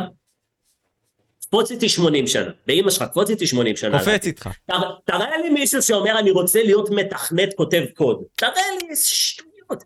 אבל אנשים, זה העניין, אנחנו נמצאים בתקופה הזאת של הטרנזישן, של המעבר, זה קורה עכשיו, ולכן, אם אתה בן 23 ואתה הולך לתוך המקצוע הזה, בעוד עשור, 15, אתה כאילו נדפקת, אתה חוזר לתחילת המסלול, התחל מחדש, ותבחר מקצוע לחיים שעוד לא נמחק על ידי התקדמות הטכנולוגיה, ולכן, אז אנשים אומרים לי, אוקיי מתן, אז כל המקצועות הולכים להיעלם, אז במה אני יכול לעבוד, שאני אדע אוקיי? זאת השאלה, שאני אדע שלא ייעלם, אתה מוכן לזה? אוקיי. להיות יזם. מה זה להיות יזם? לכל אנשים שזה נשמע להם מטורף. יזם זה בן אדם שיודע עסקים, מה זה? בואו נפרט את זה יותר, הוא יודע לשווק, לייצר תנועה שנמדדת בלידים, הוא יודע למכור, הוא יודע להכניס כסף, הוא יודע לייצר מוצרים, הוא יודע להשיג כוח אדם, והוא בנה שם, והוא יודע להתנהל מנטלית וכלכלית, וכל דבר שהוא יעשה, יעבוד. אתה רואה כל כך הרבה יזמים היום, בישראל ובעולם, שמחליפים מקצועות ועושים אקזיט ומקימים עוד אחד, כי הם יזמים, כי זה מה שיזמים עושים. זה המקצוע הכי בטוח. זה מקצוע שאומר את הדבר הבא, שהעולם ילך לאן שהוא רוצה, אני נמצא בתוך הסירה הזאת, ומה שתגידו, אני יודע להפוך את זה לכסף. להפך מאנשים שבגיל 23 קיבלו החלטה לכל החיים שלהם, שהם רוצים להיות עכשיו נהגים של אגד, אבל אף אחד לא עדכן אותם שתכף אין יותר נהגים של אגד, ותכף גם לא צריך יותר כותבי קוד. ולכן המקצוע הבטוח ביותר זה להיות יזם, כי לא משנה לאן, כל עוד כדור הארץ לא יתפוצץ, אתם תעשו כסף. בסוף זה מסתכם עם בני אדם ולפתור להם בעיות. כשאתה פותר להם את הבעיות, אתה מרוויח על זה כסף. כלומר, ערך עבור ערך. גם זה ש... והיופי, וזה מחזיר אותנו לתחילת השיחה, זה שהאוכלוסייה היום נעשית כל כך חלשה, פיזית, מנטלית, שמנה, לא בריאה, ענייה, חלשה מנטלית, שיש לך כל כך הרבה הזדמנויות לעזור לאנשים, כי מייצרים לך בחוץ, בטיק טוק ובאח הגדול ובחדשות, מייצרים לך אנשים חסרי אופי, שאם בא בן אדם שהתפתח ולמד ורוצה לעשות מזה כסף, וואלה יופי, מדהים. עכשיו אני לא אומר על החבר'ה במועדון שאלה האנשים הללו, האנשים במועדון, תבין, זה אלף אנשים מתוך עשרה מיליון, זה 0.00000 מאוכלוסיית ישראל, זה האנשים שהגדירו, אני הולך לנצח את הסיבוב חיים הזה, אני לא הולך להיות שכיר כמו ההורים שלי, אני רוצה להרוויח כסף, אני רוצה לנצח. אלה האנשים הכי מטורפים שאתה תראה. כולם נראים טוב, כולם בכושר, כולם ב mindset של הצלחה של התפתחות אישית, וככה גם מוצאים את הסביבה החדשה שלך, אנשים נרשמים למועדון, כי הם אומרים אוקיי, הקשבתי למתן הזה שצועק אה, בפודקאסט של משה, אני רוצה, הבנתי, אני גם יודע מזמן שאני לא רוצה להיות שכיר, אני מבין שאני רוצה להיכנס לעולם העסקים, אין לי אף אחד שילמד אותי איך עושים את זה, ואף אחד מהחברים שלי לא רוצה להקים עסק, כי כולם הולכים לאקדמיה ולעבוד במפעל או להיות שכיר. יופי, בוא למועדון. זה בדיוק מה שהתכוון המשורר. שאומרים ואני הקמנו את המקום הזה, זה המקום לאנשים שרוצים להקים את העסק הראשון שלהם, גם אם אין להם כסף, אנחנו עוזרים בהלוואה, גם לאנשים שאין להם רעיון, אנחנו עוזרים לכם למצוא רעיון, וגם לאנשים שאף פעם לא לימדו אותם שום דבר, וזה אנחנו הכי טוב. ואתה מבין, אנחנו מגיעים לאקדמיה ודיברנו על זה, אנשים רוצים להתמקצע, כי אתה מבין, כל הזמן אומרים לנו, להתמקצע זה טוב. עכשיו, אין, אין פסול מזה, זה נכון. להתמקצע בנגיד סתם נישה מסוימת זה מצוין, כי אתה יכול להביא ערך ספציפי ללקוח שלך. זה הערך של יזמות. מה שאני מנסה פה להגיד זה שבאקדמיה אתה לוקח ארבע שנים, במקום נגיד סתם עכשיו אולי שנה אינטנסיבית של למידה, אתה מורח את זה, אחרי זה אתה מחכה לעוד ארבע שנים בשביל כעיקרון להתמקצע, אבל תכלס כאילו השוק החופשי כבר fucking פועל אחי, ואתה מפסיד מאחור. לפחות בעולם המתקדם שלנו שעובד על פי עקרון שוק חופשי. מי שמציע את הפתרון כמה שיותר מהר הוא מרוויח. אתם אף פעם לא תעשו כסף בתור שכירים, אתם תמיד תהיו במעמד הביניים, אתם תמיד לא תגמרו את החודש, אם יהיה לכם 20 אלף שקלים בעובר ושב זה יהיה החודש הכי מטורף שהיה לכם בחיים, שכירים אף פעם לא עושים את הכסף, רק האנשים שמעסיקים אותם, רק האנשים שמקימים מקומות עבודה, אני מבין שזה נשמע מפוצץ, אני מבין שזה נשמע, אין לי מושג אפילו איך להתחיל, אבל אם אתם רוצים צ'אנס לחיים טובים יותר, זה לא ללכת במסלול שכולם הולכים, זה בדיוק מה שאתה אומר, זה לא להיות שכיר, זה להקים משהו בבעלותך. ואתה יודע, הרבה מאוד מהמקרים, נגיד סתם המקרה האישי שלי, שאני גם מנהל בחברה כלשהי ועושה את הפודקאסט וכל מיני כאלה גם בצבא, בסדר? יש את השכבה הזאת של אנשים שפחות מכירה אותי, שאומרת לי כזה, למה אתה לא עושה עכשיו, אה, לא יודע, תואר באוניברסיטה, זה מטומטם, הרי אתה יכול לעשות באוניברסיטה הפתוחה. או לחלופין, אתה הולך עכשיו לנהל את החברה הזאת, מה, אתה חמר כאילו? מה תבזבז את הזמן שלך? תהיה לך על משהו יותר בטוח. אם זה יקרוס, ואם הכסף שלך ייפול, בקיצור, אני מגיע... משפט, לש... משפטים של, של דודות, אחי. בדיוק, בדיוק, וזה לאן שאני רוצה להגיע, כי אתה אמרת לי, או יותר נכון, אמרת בראיונות כלשהם שראיתי שלך, אתה אמרת... אנשים בצבא, סתם דוגמה, חברים שלי לאותה תקופה אמרו לי, וואלה, המשכורות האלה יציבות, למה שאתה תצא לאזרחי? אני לא יודע מה במקרה, נגיד סתם עם המשפחה שלך, אפשרי גם לצלול לזה, אבל אני די בטוח שיש הרבה מאוד משפחות שמגבילות את התפיסה שלנו, האנשים הצעירים שרוצים ללכת אולי רחוק, להרוויח את הכסף בגלל סרטים או לפי שאיפות. אז בוא תרחיב איתי על זה. הסביבה הראשונה שאתם צריכים להתנתק ממנה, כל אחד שיגדיר מה זה להתנתק, כן? יש לעזוב את הבית, יש להפסיק לדבר, אה, יש לא לענות לטלפונים. עד כדי כך? זה, לעזוב זה, את הבית? אתה, אתה, אתה כל כך, אתה פשוט לא במשחק, אז אתה לא יודע את הסיפורים האמיתיים של אנשים שבאים אליי ואומרים לי, מתן, אני רוצה להקים עסק, ההורים שלי לא מרשים לי, עכשיו זה מצחיק, כי הבן אדם הזה בן 25, כשבן אדם בן 25 אומר, ההורים שלי לא מרשים לי, אתה אומר שנייה, רגע, רגע, רגע. אבל אתה בן 25, מה זאת אומרת הם לא מרשים? הם אמרו שהם לא מרשים לי. אוקיי, אבל אתה בן 25, יש לך כסף? כן. אז, אז תעשה את זה, אבל אם לא מרשה, כאילו אתה רואה אנשים שכאילו ביולוגית הם מבוגרים, אבל קוגנטיבית או מנטלית, הם כאילו עדיין מחפשים את האפרובל של ההורים שלהם, וזה מה שעוצר אותם. אז אני אומר, אוקיי, תקשיב, יש שתי אפשרויות. או שתקשיב להורים שלך, ותלך במסלול שהם רוצים, ולאט לאט לאט תפתח אליהם שנאה ומרמור על זה שהם לא נתנו לך להגשים את עצמך, ואתה תזכור להם את זה יום יום, ואתה תפתח בצורה לא מודעת שנאה להורים שלך, או שתגידו, אבא, אמא, זה שלי, יש סיבה שקוראים לזה התפתחות אישית, אני הולך למסלול הזה, אתם מוזמנים לתמוך, לעודד מהצד, אני אעדכן אתכם כשאני, אם אני ארצה, להראות לכם את התוצאות, ו- ולפעמים זה דורש גם נתק, לפעמים הדבר הזה דורש פשוט להתנתק מהאנשים, לא אומר לכל החיים, אבל לתקופת הזמן שאתה צריך, כדי להגשים את עצמך. כי השלב הראשון, אמרתי לך שתי שלבים, אחד זה להפסיק לשמוע, שתם, הדבר השני זה לחפש את הסביבה החדשה, זה קודם כל תפסיקו להכניס לאנשים, את האנשים שיוצרים אתכם ואם אתם יושבים עכשיו בארוחת שישי ואתם מספרים להורים שלכם שאתם רוצים להקים עסק אתם רוצים אה, לחיות בחופש כלכלי להיות מיליונרים ואתם שומעים גיחוך הבנתם לא לדבר איתם על הנושא הזה כי אנשים אומרים לי אבל מתן כן זה המשפחה שלי מה אני לא אשתף אותם אני שואל אותם כשאתה שוכב עם מישהי שיצאת איתה לשני דייטים אתה מספר את זה בארוחת שישי? אז הוא אומר לי ברור שלא שואל אותו למה? כי זה שלי, כי זה פרטי. או, יופי. אז מה בעצם, מה בעצם אמרת לי? שיש לך קופסה אחת שנקראת אני משתף עם המשפחה, ויש קופסה אני שומר לעצמי ולחבר'ה שלי, ואולי גם לא לחבר'ה שלי, אם זה שלי. הבעיה זה שהכנסת לשם את הקריירה שלך, לקופסה של אני משתף עם המשפחה, ואתה חוטף את כל השיט ואת הפידבקים, ואתה פשוט צריך להפסיק לדבר איתם על זה. וזה ממש עובד ככה, אני מכיר כל כך הרבה סיפורים של אנשים שהיו צריכים להתנתק, של אנשים שרבו, ואתה יודע, היופי זה שהם לא תומכים בך עד שאתה מראה תוצאות, ואז מתחילים להתעצבן, כי זה כאילו, כי, כי כשאתה מצליח משהו שהסביבה שלך, עזוב הורים, חברים, מעגל השווים שלך. אנשים בשנתון שלך, שלמדו איתך ביסודי, בחטיבה, בתיכון, כולכם שירתתם בצה"ל, או לא משנה מה עשיתם בצבא אפילו, ואז כולם הולכים למסלול אחד, ומרוויחים 11,000 שקל, ואתה פתאום מרוויח 100,000 שקלים בחודש, והם יודעים את זה, אז בהתחלה הם צחקו עליך, ועכשיו הם כועסים עליך. זאת אומרת, זה לא הולך לעבוד, אז גם מהחברים שלכם, זה כאילו ספוילר שאני לא יודע אם הקהל שלך מוכן אליו. באמת ספוילר אדיר שאני באמת לא יודע אם הקהל שלך מוכן אליו, וכאילו שווה שתדעו איך זה נראה.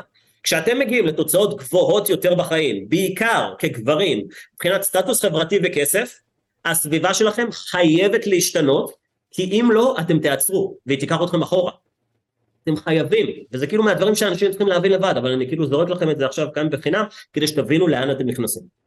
ואתה יודע, זה לוקח אותי, נגיד סתם דיברתי עם מישהי היום באוטובוס בנוגע לזה, השוויתי את זה נגיד סתם לפרח, אולי אתה גדל נגיד סתם מאדמה כלשהי, אתה יודע, שלא מיטיבה איתך, שהיא חרא וכל מיני כאלה, אבל לפחות תדאג לכך שתקבל את הוויטמין D שלך, תדאג שתקבל את הדברים שאתה צריך מהסביבה, את המים, את האור, את כל הדברים האלה בשביל למקסם את עצמך, לא משנה מאיפה הגעת. לא משנה. כמאמר, כמאמר קלישאה, המשפט של ג'ים רון, שאמר שאתה לא עץ, משפט כל כך מטומטם ופשוט שאומר כל כך הרבה, אתה לא עץ, גם אם נולדת במקום הלא נכון, אתה לא מקבל אדמה ומים ושמש, תעבור. כאילו עץ ימות אם הוא לא יקבל, אתה, ואתה בוחר להיות שם, אתה מטומטם. תקשיב, אם האנשים שצופים בנו נמצאים עכשיו בבית שהילדים יודעים שההורים לא מרוויחים הרבה כסף, וההורים יודעים שלהורים קשה לגמור את החודש, וההורים יודעים שהם נמצאים במקום כלכלי לא טוב, זה לא אשמתכם. זה לא אשמתכם, זה ההורים שלכם אשמים. הם לא הצליחו להגיע לתוצאות מספיק טובות כדי שיהיה לכם את מה שאתם צריכים, אבל, וזה אולי המשפט היחיד שאני רוצה שאנשים יקחו מכאן, אם גם אתם תהיו הורים, והילדים שלכם יגדלו באותה סביבה כמו שאתם גדלתם, זה fuck שלכם, וזה האחריות הבלעדית שלכם, וזה לא מעניין אותי איפה גדלתם, ואם הרביצו לכם שהייתם ילדים, ואם סיפרו לכם שאתם נשים ואתם לא יכולות, קחו אחריות, זה השלב השני כדי להצליח להשיג את מה שאתם רוצים בחיים, להבין שאף אחד לא הולך להגיע. אף אחד לא הולך להגיע ולעזור לכם, זה שלכם, תתחילו לעבוד, זה יהיה קשה, אבל זה שווה את זה. אז לכל האנשים שבאמת רוצים לשנות את החיים שלהם, זה שלכם. ויש פה כל כך הרבה עבודה, תקשיב, זה כל כך הרבה עבודה. אתה קודם כל צריך, תבין מה אני עושה, אני קודם כל צריך להסביר לאנשים, אמרתי לך שהאחריות זה השלב השני, נכון, השלב הראשון זה להיות מודע לבעיה. ושיהיה לך, לך אכפת מהבעיה, שתרצה לפתור את הבעיה בכלל. יש כל כך הרבה אנשים שלא יודעים שהם בבעיה, או שהם יודעים שהם בבעיה ולא רוצים לפתור את הבעיה. זה רוב האנשים. אז באים אליי אנשים שמודעים לבעיה, רוצים לפתור את הבעיה, ואומרים להם, יאללה בוא נתחיל לעבוד. ואני אומר להם, זאת תהיה השנה המאתגרת ביותר בחיים שלך, אתה תצא מאזור הנוחות, אתה תשקיע זמן, אנרגיה וכסף, אתה לא תישן הרבה בלילה, אתה תהיה בסטרס, אתה תריב עם הסביבה הכי קרובה שלך עם החברים והמשפחה, אבל זאת גם תהיה השנה שבה לקחת אחריות על החיים שלך, ויש לך את הצ'אנס האמיתי כדי לשנות את המסלול של כל המשפחה העתידית שלך. כי הילדים שלי לא יגדלו כמו שאני גדלתי, לא גדלתי באיזה עוני, גדלתי בהרצליה כמו איזה ילד מפונפן שהיה בצופים. אבל היום, אם הימין יחליט שאני מביא ילדים, הם הולכים לחיות ב mindset מטורף. כל כך שונה ממה שאני גדלתי. וזה שלי. אני הפסקתי את הפס של העתק הדבק בתוך המשפחה שלי, ומעכשיו כל מי שיצא מתוך האשכים שלי, תקשיב, הוא הולך להיות בן אדם פסיכופת. בן אדם פסיכופת, אחי. וככה זה עובד, זו החלטה שאני משנה את המציאות של כל השושלת שלי קדימה. זה נשמע מטורף לאנשים שצופים בנו כרגע ביוטיוב ואין להם מושג אפילו מי אני. אבל כמעט אתם מקבלים את כל, את הכל לתוך הפרצוף שלכם, זה קשור למי אתם, ואם אתם גברים או אם אתם נשים, אפשר להשתפר, אתם צריכים להשתפר, כי אתם צריכים להתאים את עצמכם ל העסקי שלכם, אחרת אתם תיתקעו. גם האנשים שרוצים להקים עסק אבל לא מקימים עסק, זוכר את הדוגמה שנתתי עם הבן אדם והעסק?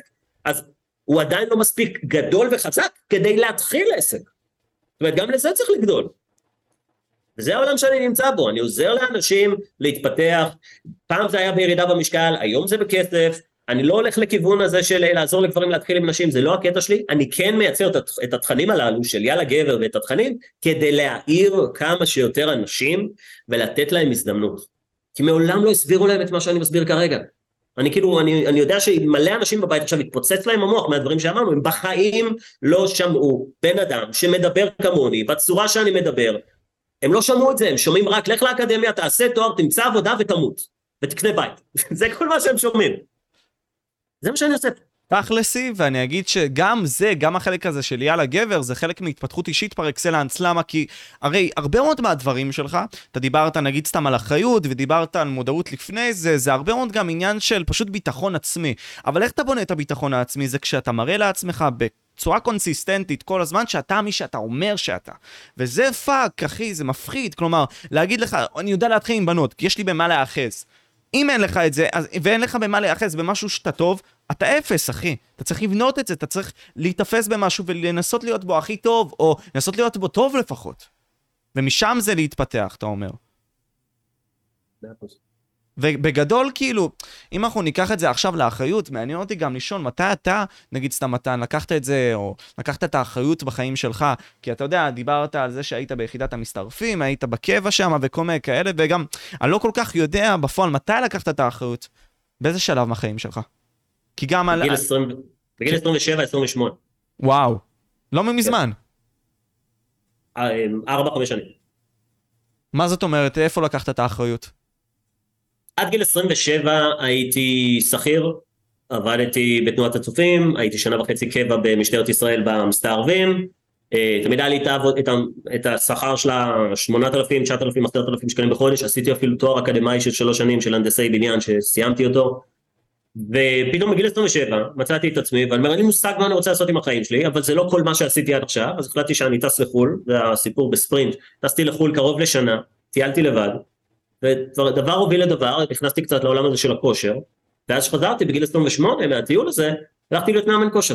זהו בגיל 28 דף חדש מאמן כושר בואו נראה מה קורה מכאן. הסתדר יפה. והיום אני מלמד את זה. היום אני אומר בוודאות אם, אם אני התחלתי בגיל 28 ואתה תתחיל, סתם, אתה זה כל אחד, תתחיל בגיל 23, יש לך פור של חמש שנים על מי שאני היום. זאת אומרת, עם ההכוונה הנכונה, אתה יכול להגיע לתוצאות מטורפות עד, עד שנות ה-30 שלך, מטורפות זה להרוויח מיליונים.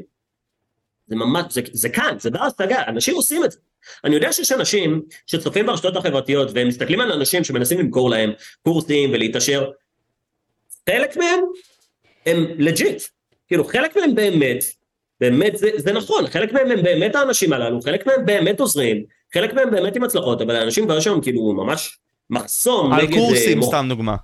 קורסים ומכירות ושוק ההון ולהקים עסק, אני מבין את זה, אני רואה את זה, אני גם מייצר את התכנים הללו, אז כאילו אני, אני מבין את זה מעולה. אני אגיד לך יותר מזה, מתן של לפני עשור, מתן של, של גיל 23, היום אני בן 33, מתן בין ה-23, שהיה צופה עכשיו ב, ב, במשדר הזה, לא היה מבין מלא דברים מהדברים שתיארתי, יש מצב שגם הייתי כועס על הבן אדם שאני היום, על כאילו מי זה המתנשא הזה שבא ללמד אותי איך לחיות, אני, אני יכול להבין את זה, אבל אם לא תהיו מוכנים לשבת בכיסא התלמיד, לא תתקדמו. זאת אומרת, השלב הראשון זה להבין שאתה לא מבין. אוקיי, אני לא מצליח, אני לא נראה כמו שאני רוצה להיראות, אני לא משיג בחורות, אני לא עושה סקס, אני לא מרוויח כסף, אני לא מאושר מהחיים, תקבל את זה, face it, לך לכיסא התלמיד, ו... תתחיל בתהליך שאמרתי שנקרא לקיחת אחריות, וזה כבר מסלול של כל אחד ולאן שהוא רוצה להגיש. אבל הדרך הכי פשוטה כדי להשיג משהו זה למצוא בן אדם שהשיג את מה שאתה רוצה להשיג, לבקש ממנו שילמד אותך או, או שישלם או בחינם או דברים כאלה, ולהגיד אמן. והיום, זה... משהו, תגיד אמן. והיום זה כל כך קל, אם נגיד סתם חרמוזי סתם דוגמה, מדבר על זה שאתה יכול לפנות למישהו באינסטגרם או ברשתות חברתיות, לבוא ולהציג את עצמך, אולי לשבת על קפה, אתה יודע שזה כאילו אולי פרימיטיבי לשבת על קפה, אבל זה מה שעושים היום. ווואו, ככה אתה מתקדם, ככה אולי אתה משיג מנטור מסוים, שאתה יודע, אתה עושה את זה בלחיצת כפתור, לא, לא יותר מדי, ואתה יכול להגיע להרבה יותר ממה שאתה עכשיו. באלף אחוז, זה הרבה יותר פשוט ממה שזה היה פעם, ואנשים כמוני עובדים מאוד קשה, אני לא עובד קשה פיזית, אני עובד קשה ברמה של וואו, יש פה כל כך הרבה אנשים שלא מבינים דברים כל כך בסיסיים ואני צריך להסביר להם את זה, בין אם זה בסרטונים, ביוטיוב, באינסטגרם, אם זה לצעוק עליהם, אם זה להצחיק אותם, אם זה להסביר להם, אם זה להראות להם אנשים שמרוויחים כסף, כאילו זה לא נגמר. ברור שאני מרוויח מזה כסף, אבל כאילו בסוף היום אני אומר, אני אשכרה מה שבנינו פה, עמרי ואני והצוות, אנחנו אשכרה משנים לאנשים את החיים. אנחנו אשכרה עושים פה משהו שהוא משמעותי, מייצרים פה כסף. אז אני כאילו, אני, אני מאושר ממה שאני עושה. אתה מאושר ממה שאתה עושה, וזה חשוב באיזשהו מקום, כי אתה רוצה גם, אתה יודע, לחיות טוב, ובמקום מסוים, אני רוצה גם לתת אולי לצופים להבין מה שגרת החיים שלך, מה אתה עושה ב... אני מדבר איתך יום ביום בחייך, מה זה יום בחיי מתן היסטור, אתה מבין? אני רוצה שאנשים יבינו את זה. אין להם מה לנסות למדל את מה שאני עושה, כי היום אני עושה הרבה פחות, מה שצריך לעניין אותם, זה מה עשיתי בתחילת הדרך שהקמתי עסק. אוקיי, דבר זה, על זה. כאילו, כי אין לך מה למדל עכשיו מיליארדרים. אין לך, אין, כאילו, זה, מה, מה, זה לא עוזר. אתה צריך לשאול מה עשית בתחילת הדרך בחיים החדשים שלך. אז כשהיה את התקופה הזאת של החרא אולי, של תחילת העסקים, אתה יודע שנגיד סתם לא ידעת מה לעשות, אה, אפשרי לבוא ולהגיד מה עשית באותה, באותה תקופה, ואחרי זה אולי שגיאות שעשית באותה תקופה, שהיית מנסה להימנע מהן. התחלתי כמאמן כושר, המטרה שלכם בכל מי שרוצה להקים עסק זה קודם כל לבנות את השם שלכם. אתם צריכים לחשוב על זה כל הזמן, אתם צריכים לדעת לתת את השירות בצורה שהיא טובה, בין אם אתם אה, אה, מעצבים או אם אתם עוזרים לאנשים לפתור בעיות, אתם צריכים להיות טובים בזה כדי שאנשים ימליצו עליכם, אתם צריכים לדעת למכור, אתם צריכים לדעת לדבר על כסף, אתם צריכים לדעת להתנהל עם הדבר הזה, אתם צריכים לנטרל את עצמכם מכל הסחת דעת שיש לכם, יש לכם עוד עבודה כשכירים, תעיפו את זה. כי הדבר הזה עוצר אתכם מלהרוויח כסף, כי יש לכם רשת ביטחון. ואם אתם גרים בסביבה שלא תומכת בכם, צאו מהבית, ואם אין לכם כסף, קחו הלוואה. זאת אומרת, זה תעשו דברים שמוציאים אתכם מאזור הנוחות, ככה גדלים. אני לקחתי הלוואה, הלוואות מצטברות, שהגיעו לרבע מיליון שקלים. אני, הקמת עסק שלי, הייתה בתקופת הקורונה, וואו. שזה היה מעולה ולא מעולה באותו זמן. כי מצד אחד זה היה מעולה, כי למדתי איך זה כי זה גם השנה הראשונה לעסק וגם בשנת קורונה, אז כאילו זה אתה על סטרואידים, זה או שאתה מצליח או שלא, וזה היה לא מעולה כי הקורונה עשתה גם בעיות, אז פשוט להיות טוטאלי בדבר הזה, זה להיות בן אדם קיצוני, זה אני מעודד אנשים להיות אנשים קיצוניים, וכשאני אומר את זה, אנשים, כשאני אומר לך אנשים קיצוניים, אתה מדמיין את האנשים ששורפים צמיגים באיילון, אתה מדמיין את האנשים שהולכים מכות עם שוטרים או דברים כאלה, זה הקיצון השלילי, זה הקיצון הממורמר שלא טוב לו, ש, שכל כך רע לו, שהדרך שלו לשנות, אתה יודע, ההפגנות זה בדיוק מה שאמרתי על העניין הזה של אם אתה רואה שאתה מפסיד במשחק, אז אתה מנסה לשנות את לוח התוצאות. זה לא מעניין אף אחד בממשלה שאתם צועקים ושיש לכם דגלים, שאתם עם זמבורות, הם, הם מתחת לבית שלי, אז כאילו זה... לא, אני מסכים איתך גם, זה בזבוז זמן מטורף. זה בדיוק התודעת קורבן שאני מדבר עליה. אז זה בדיוק ההפך מלקחת אחריות, כי זו שאתה קורבן או שאתה לוקח אחריות, אין אמצע. אז כל האנשים שאתם רואים ברחוב שמפגינים, תהיו בטוחים שזה, שוב, זה אנשים ממעמד הביניים, כי אנשים עניים אין להם זמן, הם חייבים לעבוד אחרת הם כאילו גמורים, ואנשים עם כסף לא אכפת להם. אז כאילו זה רק תמיד מעמד הביניים, זה, זה מי שהכי נדפק, והמטרה שלכם זה להפסיק להיות במעמד הביניים. ואגב, הטיפ הכי טוב כדי להפסיק להיות במעמד הביניים, מוכן? אוקיי. Okay. זה להסתכל על מה שכולם עושים ולעשות הפוך. וואו, וואו. זהו, זהו, כל כך פשוט. כל כך למפגרים, כולם הולכים ועושים תואר, יופי, אל תעשה תואר. כולם צופים בחדשות, אל תצפה בחדשות. כולם שמנים, אל תהיה שמן. עכשיו, כאילו זה קל להגיד מאשר לעשות, אבל זאת התוכנית שלכם, כי אם תעשו את מה שכולם עושים, תקבלו את מה שכולם מקבלים. ואחרי זה תסתדרו. כן, זה נקרא התפלגות גאו, זה, זה התפלגות נורמלית. כולם, רוב האנשים חייבים להיות ממוצעים. מישהו חייב לעבוד במקצועות שאף אחד לא רוצה לעבוד בהם, מישהו חייב לעבוד בסופרמרקט ולהיות זה ששם את השימורים על המדף. כאילו זה חייב להיות מישהו, אוקיי? אבל למה שזה יהיה אתם? ולהפך, מישהו צריך לגור במגדל יוקרה ולהרוויח מיליונים, למה שזה לא יהיה אתם? זה, כאילו זה צריך להיות מישהו. פשוט תחליטו איזה דמות אתם רוצים להיות, זה כמו משחק מחשב שאתה בוחר את האבטר שלך, או במונופול, או שאתה בוחר איזה skin אתה רוצה שיהיה לך, נדבר פה בשפה של יותר צעירים, איזה skin אתם רוצים שיהיה לכם? כאילו רוב האנשים בחרו להיות בן אדם שמן, בלי כסף, ממורמר בהפגנות נגד המדינה. וזה החייל שלהם, זה השחקן שלהם. במקום שתבחרו, מחזיר אותך לסיפור הפנימי שאנחנו מספרים לעצמנו. אני בן אדם מצליחן, אני מציב מטרות ואני משיג אותם, אני בכושר, אני בביטחון עצמי, אני מתחיל עם נשים, אני עושה סקס, אני מרוויח כסף. תבחרו מי אתם רוצים להיות. וזה כל כך פשוט באיזשהו מקום, אתה אומר לעצמך. ותשמע, תכלס, בוא נגיד את זה ככה. נגיד, אתה דיברת עכשיו על משחק, וזה באמת ענק מה שאמרת עכשיו, כי נגיד סתם, יש הרבה מאוד אנשים שמשחקים עכשיו במשחקי מחשב ועושים מקסימום לדמות שלהם, סתם דוגמה, מגיעים לרמה 100. למה שאי אפשר לנסות לעשות את זה בחיים? אבל אז מגיעה השאלה, למה לי לעשות את זה בחיים? כלומר, למה חשוב הכסף הזה עד כדי כך? כאילו, מתן, אתה מדבר איתי עכשיו על לחיות איתי לרוח ולפילוסופיה עכשיו.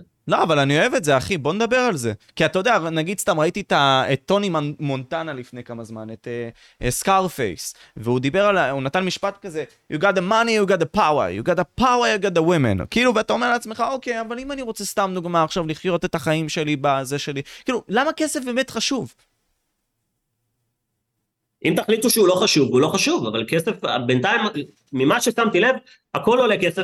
כל דבר שתרצו, להיות, לקנות, לאכול, הכל עולה כסף, וזה, וזה כלי. זאת אומרת, פעם מי שהיה מוביל זה מי שהיה לו הרבה אה, חיות, או הרבה אה, פרדסים, או עצים, היום זה כסף. עוד מעט גם את הכסף תחליפו במשהו אחר. אתם לא חייבים לחיות חיי שפע.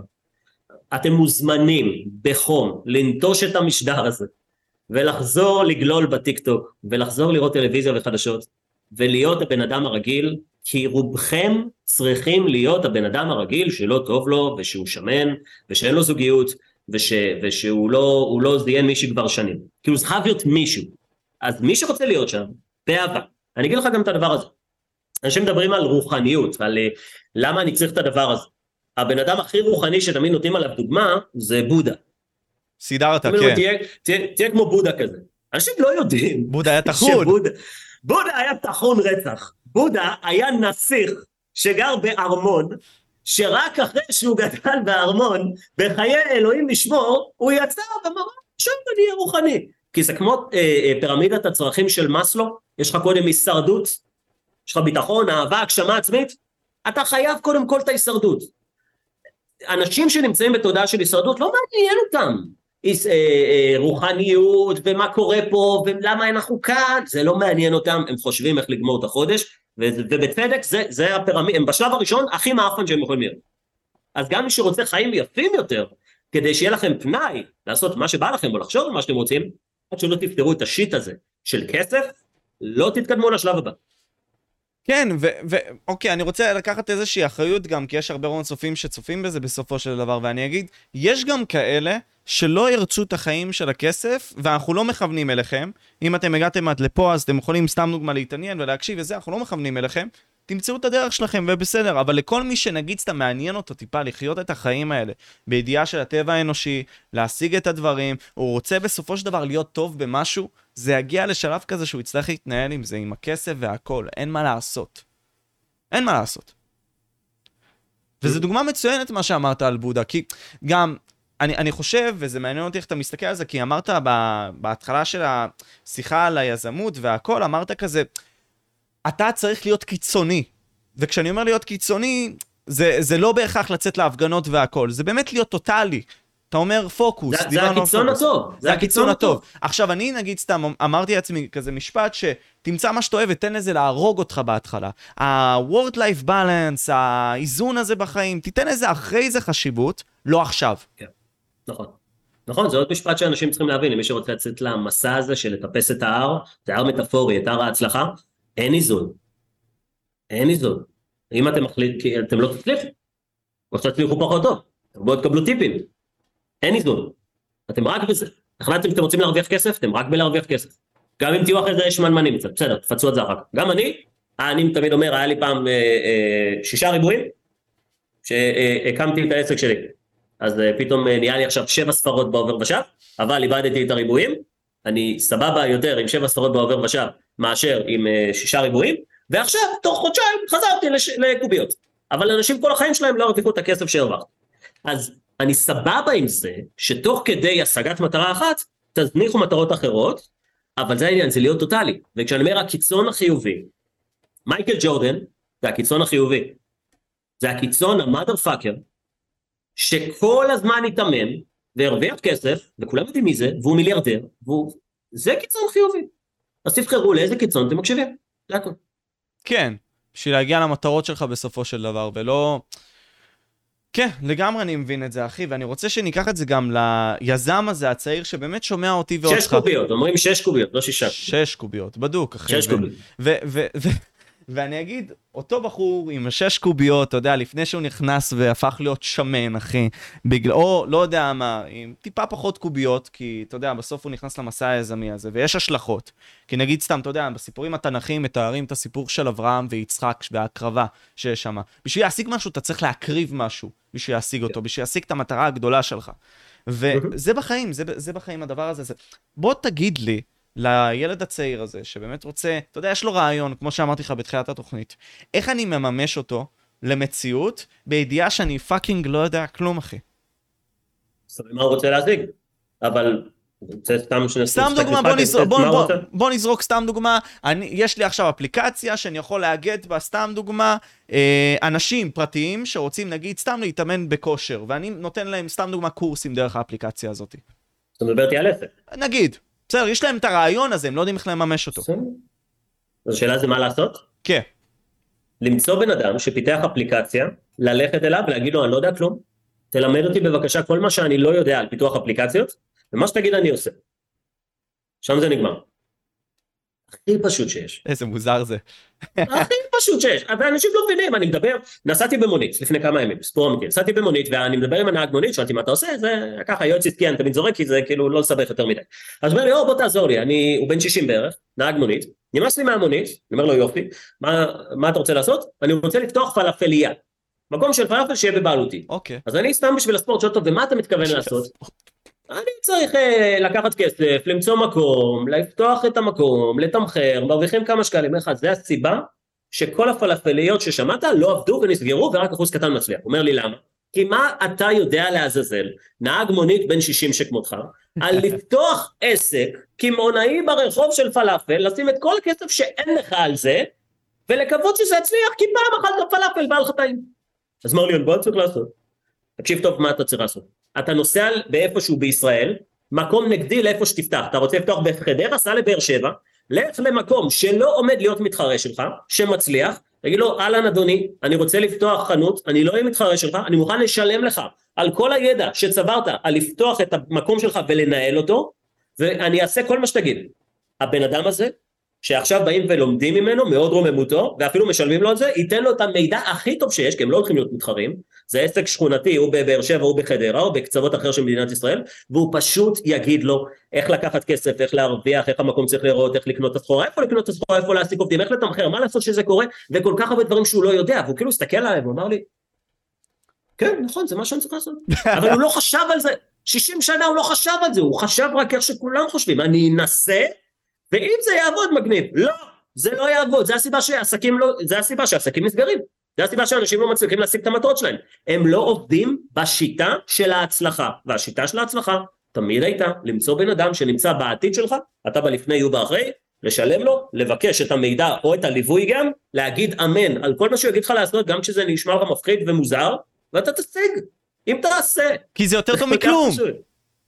כי אתה כרגע בכלום, כן. ואתה יודע, במקום מסוים, אני לקחתי את העצה הזאת אולי ברטרוספקטיבה לפני כמה ימים, כי אמרתי, אני צריך להמציא את עצמי מחדש, אתה יודע, מתן, אני נמצא במקום מסוים שהפודקאסטים שלי אומנם מתפוצצים בטיקטוק והכל, אבל אני רוצה להגיע לאיזושהי מטרה מסוימת, סבבה, לא, לא חשוב המטרה, אבל אני רוצה להגיע אליה. אז טלפנתי לחברים הכי טובים שלי שהם יוצרי תוכן עם 300 אלף מנויים והכל. באמת דיברתי איתם איזה שעה, חצי שעה, משהו בסגנון הזה. כי אנחנו חברים טובים, כי עצרתי איתם מערכת יחסים, וגם, נראה לי אנחנו נרחיב על זה טיפה אחרי זה, אפשרי לעשות את זה גם בצורה קרה, גם אם אנחנו לא מכירים, זה מה שאנחנו אמרנו, ולקחתי מהם מידע מאוד מאוד טוב, כי הם המומחים בתחום, בתחום שלהם. ובגלל שאנחנו חברים, אז לא הייתי צריך לשלם. אז נגיד סתם עכשיו, יש... ככה עושים את זה, ככה כן. עושים את זה. אז, אז, אנשים אתה... מנסים להמציא את הגלגל מחדש עוד הפעם. תחשוב שבן אדם שהיה רוצה, זה, זה תמיד דוגמה שהיא מטומטמת, אבל אנשים מבינים בדרך דוגמאות מטומטמות. נחשוב שהיית רוצה להקים עסק, okay. אוקיי. לייצור מכוניות, אוקיי? ואז היית גם צריך להמציא את הגלגל ולהמציא את המנוע, מאשר פשוט להשתמש בהמצאות של אנשים שהמציאו את זה לפני מאות ומיליוני שנים. עכשיו נכון שזה נשמע מטומטם, ברור שאני אני פשוט, הם המציאו כבר את הגלגל, המציאו את המנוע, אני אשתמש בזה. אנשים לא עושים את זה. אנשים לא עושים את זה על הדברים הכי פשוטים. מה הם אומרים? אני אעשה את הכל לבד, איך, איך? בדרך שלי. או... אבל אין לך דרך. אין לך דרך. אתה יוצר אותה. לא עשית צעד, אין לך שום דרך. ואם אתה חושב שיש לך דרך, היא מובילה לשום מקום. אז כאילו, אנשים לא מבינים אפילו. זה מטורף, זה, זה, זה כאילו, זה, אני מדבר על זה בספר שלי, בלשרוף את הספינות. יש לי גם את הקעקוע של לשרוף את הספינות. מחר 10 אלף עותקים, יותר אה, אפילו. באזור ה-25 לדעתי כרגע. וואו. 25 אלף. וה, והפודקאסט סביבה מנצחת, והיוטיוב. זה כאילו מה שאני כל הזמן אומר למי שרוצה לשמור. אז בחזרה לאמצע הרעיון שלנו, לפעמים כשיש לך באמת מתנה שאתה רוצה לתת לעולם, ואתה אומר כאילו אנשים לא מקשיבים, כי אם תסתכל בטיקטוק, אתה יכול לראות טיקטוק של בן אדם ששופך לך זהב, ויש לו 200 צפיות, אבל אתה תראה בקבוק שמתגלגל על המדרגות ומתנפץ, הוא מגיע ל-20 מיליון צפיות. אז אתה אומר אוקיי סבבה. שוב, אני יכול לצעוק על זה שיורד גשם או שאני יכול להבין את חוקי המשחק. אתה צריך להשתמש בכלים חדשים כדי להעביר את המסר שלך או כדי לשאוב אנשים ואז לתת להם את התורה שאתה רוצה, כי אם אתה רק נותן להם תורה אז הם לא רוצים. כן. אז אתה צריך להיות חכם. צריך להבין איזה ערך אתה נותן בסוף. אתה נגיד סתם אמרת, ובוא נפשט את זה יותר לצופים, כי זה מאוד חזק מה שאמרת, ואני רוצה להתעכב על זה בכוונה. נניח, אני נתתי את הדוגמה שלי, לי יש ערך בכך שלי יש ערוץ עם הרבה מאוד עוקבים והרבה מאוד אנשים שמכירים אותי, וגם אינטרסים והכול. זה אפשר לי לפנות לאנשים שהם הכי טובים בתחומם, בתחום הוידאו. בואו נסכם את זה ככה, וזה היה בצורה הדדית, כי אנחנו עוזרים אחד לשני, בסדר? זה נגיד סתם אינטרסים 101, בסדר? אבל אתה נגיד סתם שאתה לא מכיר מישהו, הערך שאתה יכול להוציא לו רק זה כסף, כדי שזה לא יהיה דו-פרצופי כזה, או לא יודע מה, מוזר מדי, כי אם אתה תפנה סתם לבן אדם, ברחוב ותגיד לו, היי, תיתן לי את כל הזהב שלך, יש מצב שהוא לא ייתן, אבל יכול להיות אם תפנה אליו בפרטי, יש מצב שהוא כן. אבל זה כל עניין של הסתברויות. ומה יצא לו מזה? יכול להיות שנגיד סתם מה שטוב לבן אדם הזה בלב, לאותו בחור באינסטגרם שאתה ראית שהוא מנהל ב... לא יודע, fucking חומסייה או פלאפיליה, אז זה מה שהוא רוצה, רוצה לממן מישהו. אבל זה עניין הסתברותי. הערך שאתה יכול לתת לו עכשיו זה כסף. Mm-hmm. וזה מאוד חשוב שאנחנו נתעכב על זה באמת, ואני חושב שנתת פה נקודה מדהימה, ושוב, כאילו, אפשרי למצוא את זה גם אצלך בערוץ, בפודקאסט, בלי קשר כל הלינקים למטה בתיאור, באמת. ואני רוצה להתעכב גם על שנים הראשונות שלך בתור יזם, כי אמרת, אני לא יודע איך אתה עשית את זה, אבל אני מניח שניסית ליצור את הדרך שלך, אני מניח, סתם נקודת הנחה כזאת, תספר לי על הטעויות שלך באותו, שאתה זוכר. טעויות שעשיתי בתחילת הדרך? אולי טעויות שקשורות להעסקת אה, כוח אדם, זה כאילו דברים שהם מתקדמים קצת, אבל אני, אני אגיד לך, זה כאילו יישמע מוזר, אני לא זוכר הרבה טעויות משתי סיבות. אחד, אם יש לך מורה דרך, ומה שאני אומר לך, אני גם חי את זה, מהיום הראשון שהקמתי את העסק שלי, השכלתי להבין שאני לא מבין, ולקחתי יועץ עסקי שאמר לי מה השלב הבא שלי. אז זה מקטין את הטעויות שלך, אז היום שאני כאילו מנסה ב- ב- להיזכר לאחור את הטעויות שהיו לי אין יותר מדי, אבל גם בגלל שאני לא מסתכל על טעויות בצורה כמו שאולי אתה מכוון אליהם, אני מסתכל על דברים, אוקיי זה לא עבד, נעשה משהו אחר.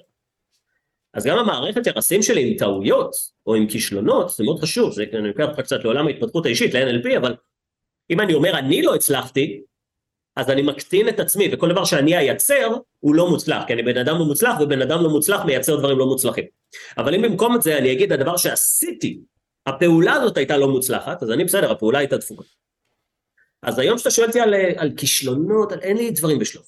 כאילו, זה, זה כאילו דברים שהם אולי מגוחכים בעיניי, אבל זה פשוט, ושוב, כי היה לי בן אדם שאמר לי מה לעשות, שילמתי לו, שילמתי לו 100 אלף שקלים פלוס מה, וואו. לשנה.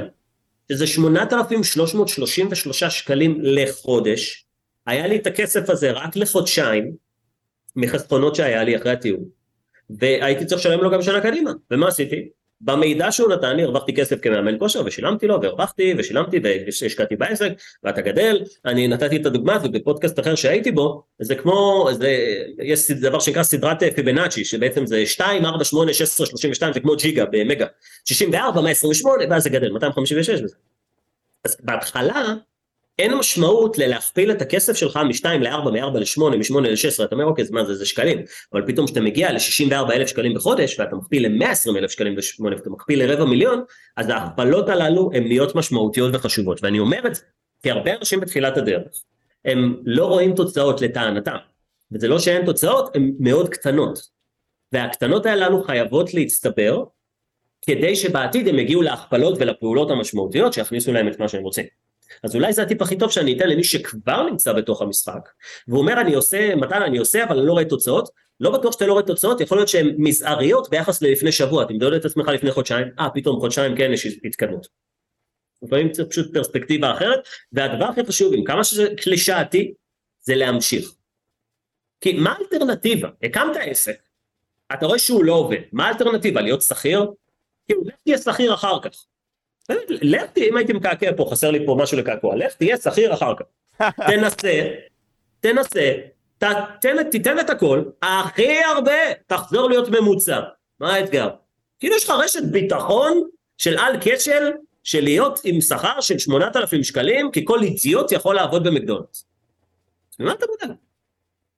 וטיפ אחרון לאנשים שבעולם המשחקים, אתם יודעים שכשאתם בשלב הראשון של המשחק, אז אין לכם מה להפסיד. כי אם אתם נכשלים בשלב הראשון, אתם חוזרים להתחלה ומתחילים וממשיכים. כשאתם בשלב 27 ואין אפשרות שמירה, אז זה מלחיץ. כי אז כל פעם שאתה קופץ או שאתה נלחם, אתה אומר, אוקיי, אם אני נכשל פה, אם אני לא מצליח פה בשלב 27, אני חוזר להתחלה. אז לכל האנשים שנמצאים בשלב הראשון, אין לכם מה להפסיד. יש לכם אלף ניסיונות. תמשיכו לשחק, תתחילו, זה השלב ה... כאילו... בגג תפשטו רגל. מה אתם... איזה תפשטו רגל, אחי, זה, זה, אף, אני לא מכיר אף בן אדם, באמת עכשיו, לא מכיר אף בן אדם שפשט רגל, זה כאילו מילה, אין לי מושג בי, לא מכיר אף בן אדם, אף בן אדם שפשט אז רגל, אז מה זה המושג באמת, הזה? מה הוא אומר באמת? לא יודע, לא יודע מה זה המושג הזה, לא מכיר, תקשיב, אני מכיר אלפיים בעלי עסקים.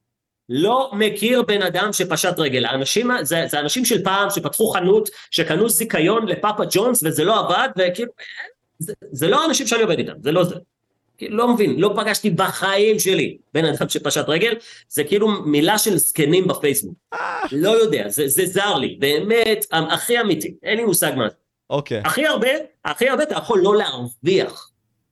כן. לא, לא הגיעו לידים, לא מכרת, אוקיי, לא הרווחתי. אבל להפסיד, לפשוט רגל, כאילו, אה, לא יודע, לא מכיר. אתה יודע, יש בהרבה מאוד אנשים, ואני בטוח שגם, אולי בתחילת הדרך שלך, את התחושה הזאת של חרדה. חרדה נגיד סתם אה, לעשות משהו, לבקש ממישהו משהו, כי זה לא נעים, אתה יודע, זה מוזר כזה, ככה אנחנו מובנים באיזשהו מקום. אני זוכר ברעיונות הראשונים שלי, בגיל 17, כשראיינתי פרופסורים ודוקטורים, זה, ואנשים כאילו שמתראיינים לחדשות וזה, אתה מצייר לעצמך את הסיפור הזה, אתה בחרדה. אתה לא יודע מה לעשות. אז איך אפשרי לדעתך, מתן, להתגבר על החרדה הזאת, על המכשול הזה, בסופו של דבר? איך עושים את זה? בסוף אם ננסה להגדיר את זה, או בדוגמה שאתה נתת, זה היה כאשר אתה אתגרת את עצמך ויצאת מאזור הנוחות שלך, אולי אפילו יותר מדי. כן.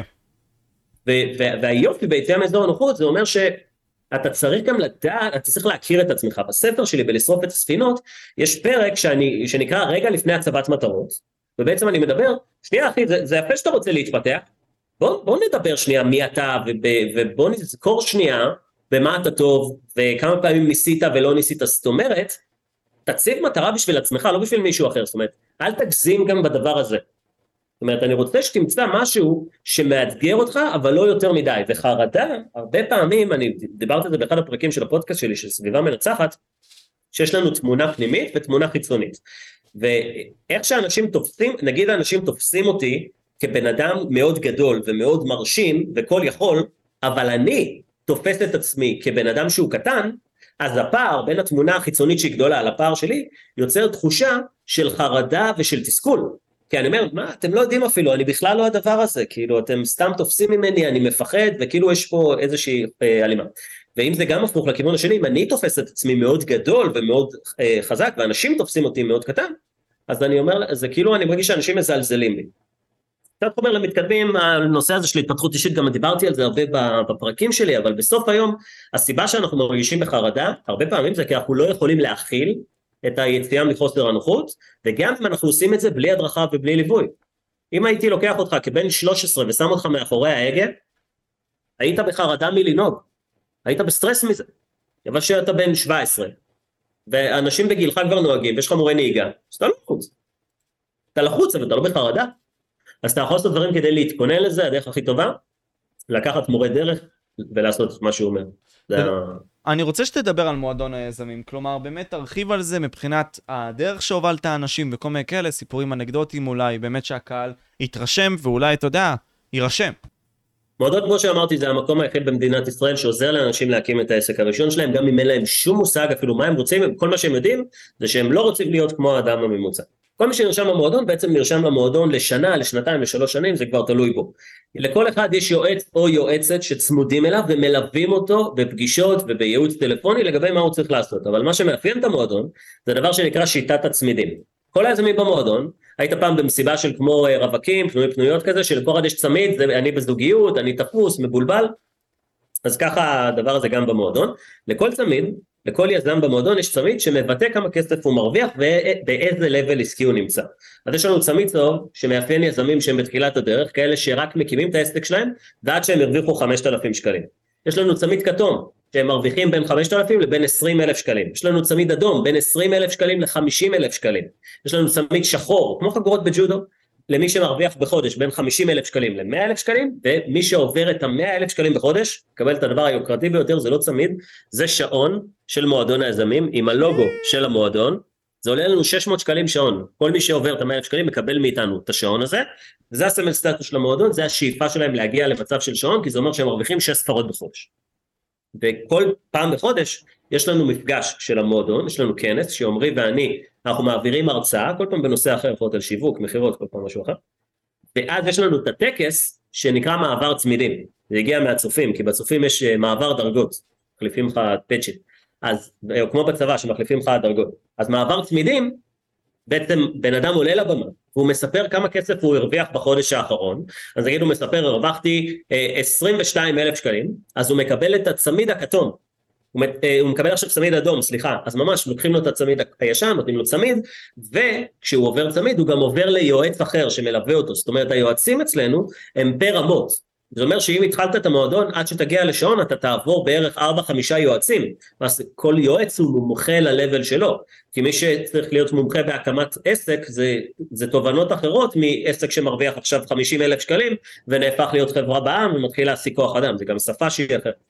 ויש לנו כנסים וסדנאות ומאסטר מיינדים והמון פעילויות שאנחנו עושים, אנחנו גם המקום היחיד בישראל שעושה טיול שנתי ליזמים שלנו אוקיי. במועדון. פעם בשנה, תקשיב, פעם בשנה. זה צופים אחי, זה צופים.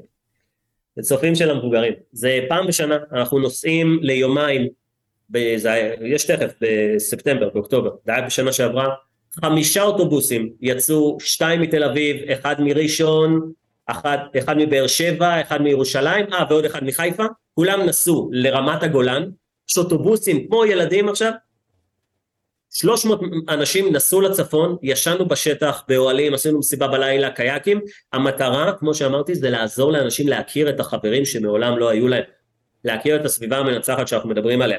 לא דיברנו שם על איך להרוויח כסף, דיברנו רק על ליצור אינטראקציה חדשה ולעזור לאנשים למצוא את החברים החדשים שלהם, שאיתם הם יכולים לעשות עסקים, הם יכולים לדבר, הם יכולים להיפגש, יש לנו המון זוגות בתוך המועדון, יש לנו הכל, כל, כל הסוגים של הזוגות יש לנו בתוך המועדון, וזה פשוט באמת הקהילה הכי טובה בארץ למי שרוצה להקים עסק, אז זה מה שקורה פה, זה הסיבה שאנשים מגיעים, שהם נרשמים. בעיניי, כאילו אני, אני חבל שלא היה את זה פעם. אם היה את המועדון כשאני רציתי להקים עסק, הייתי מתקדם הרבה יותר מהר, וגם היה לי הרבה יותר כיף לאורך הדרך. אני בטוח, עם כל האווירת הצופים הזאת, אבל אני אגיד את האמת, אחי, זה מה... הרעיון הצ... בכללי, אה, אני חושב שדיברנו פה על הרבה מאוד דברים מעניינים, אחי. ובלי קשר, הרבה מאוד אנשים פה יצאו עם תובנות, ואני רוצה להשאיר תובנה אחת ממך, אולי למתן ניסטור הצעיר, אחי. כאילו, איזה עצה היית רוצה לתת לו? באיזה גיל?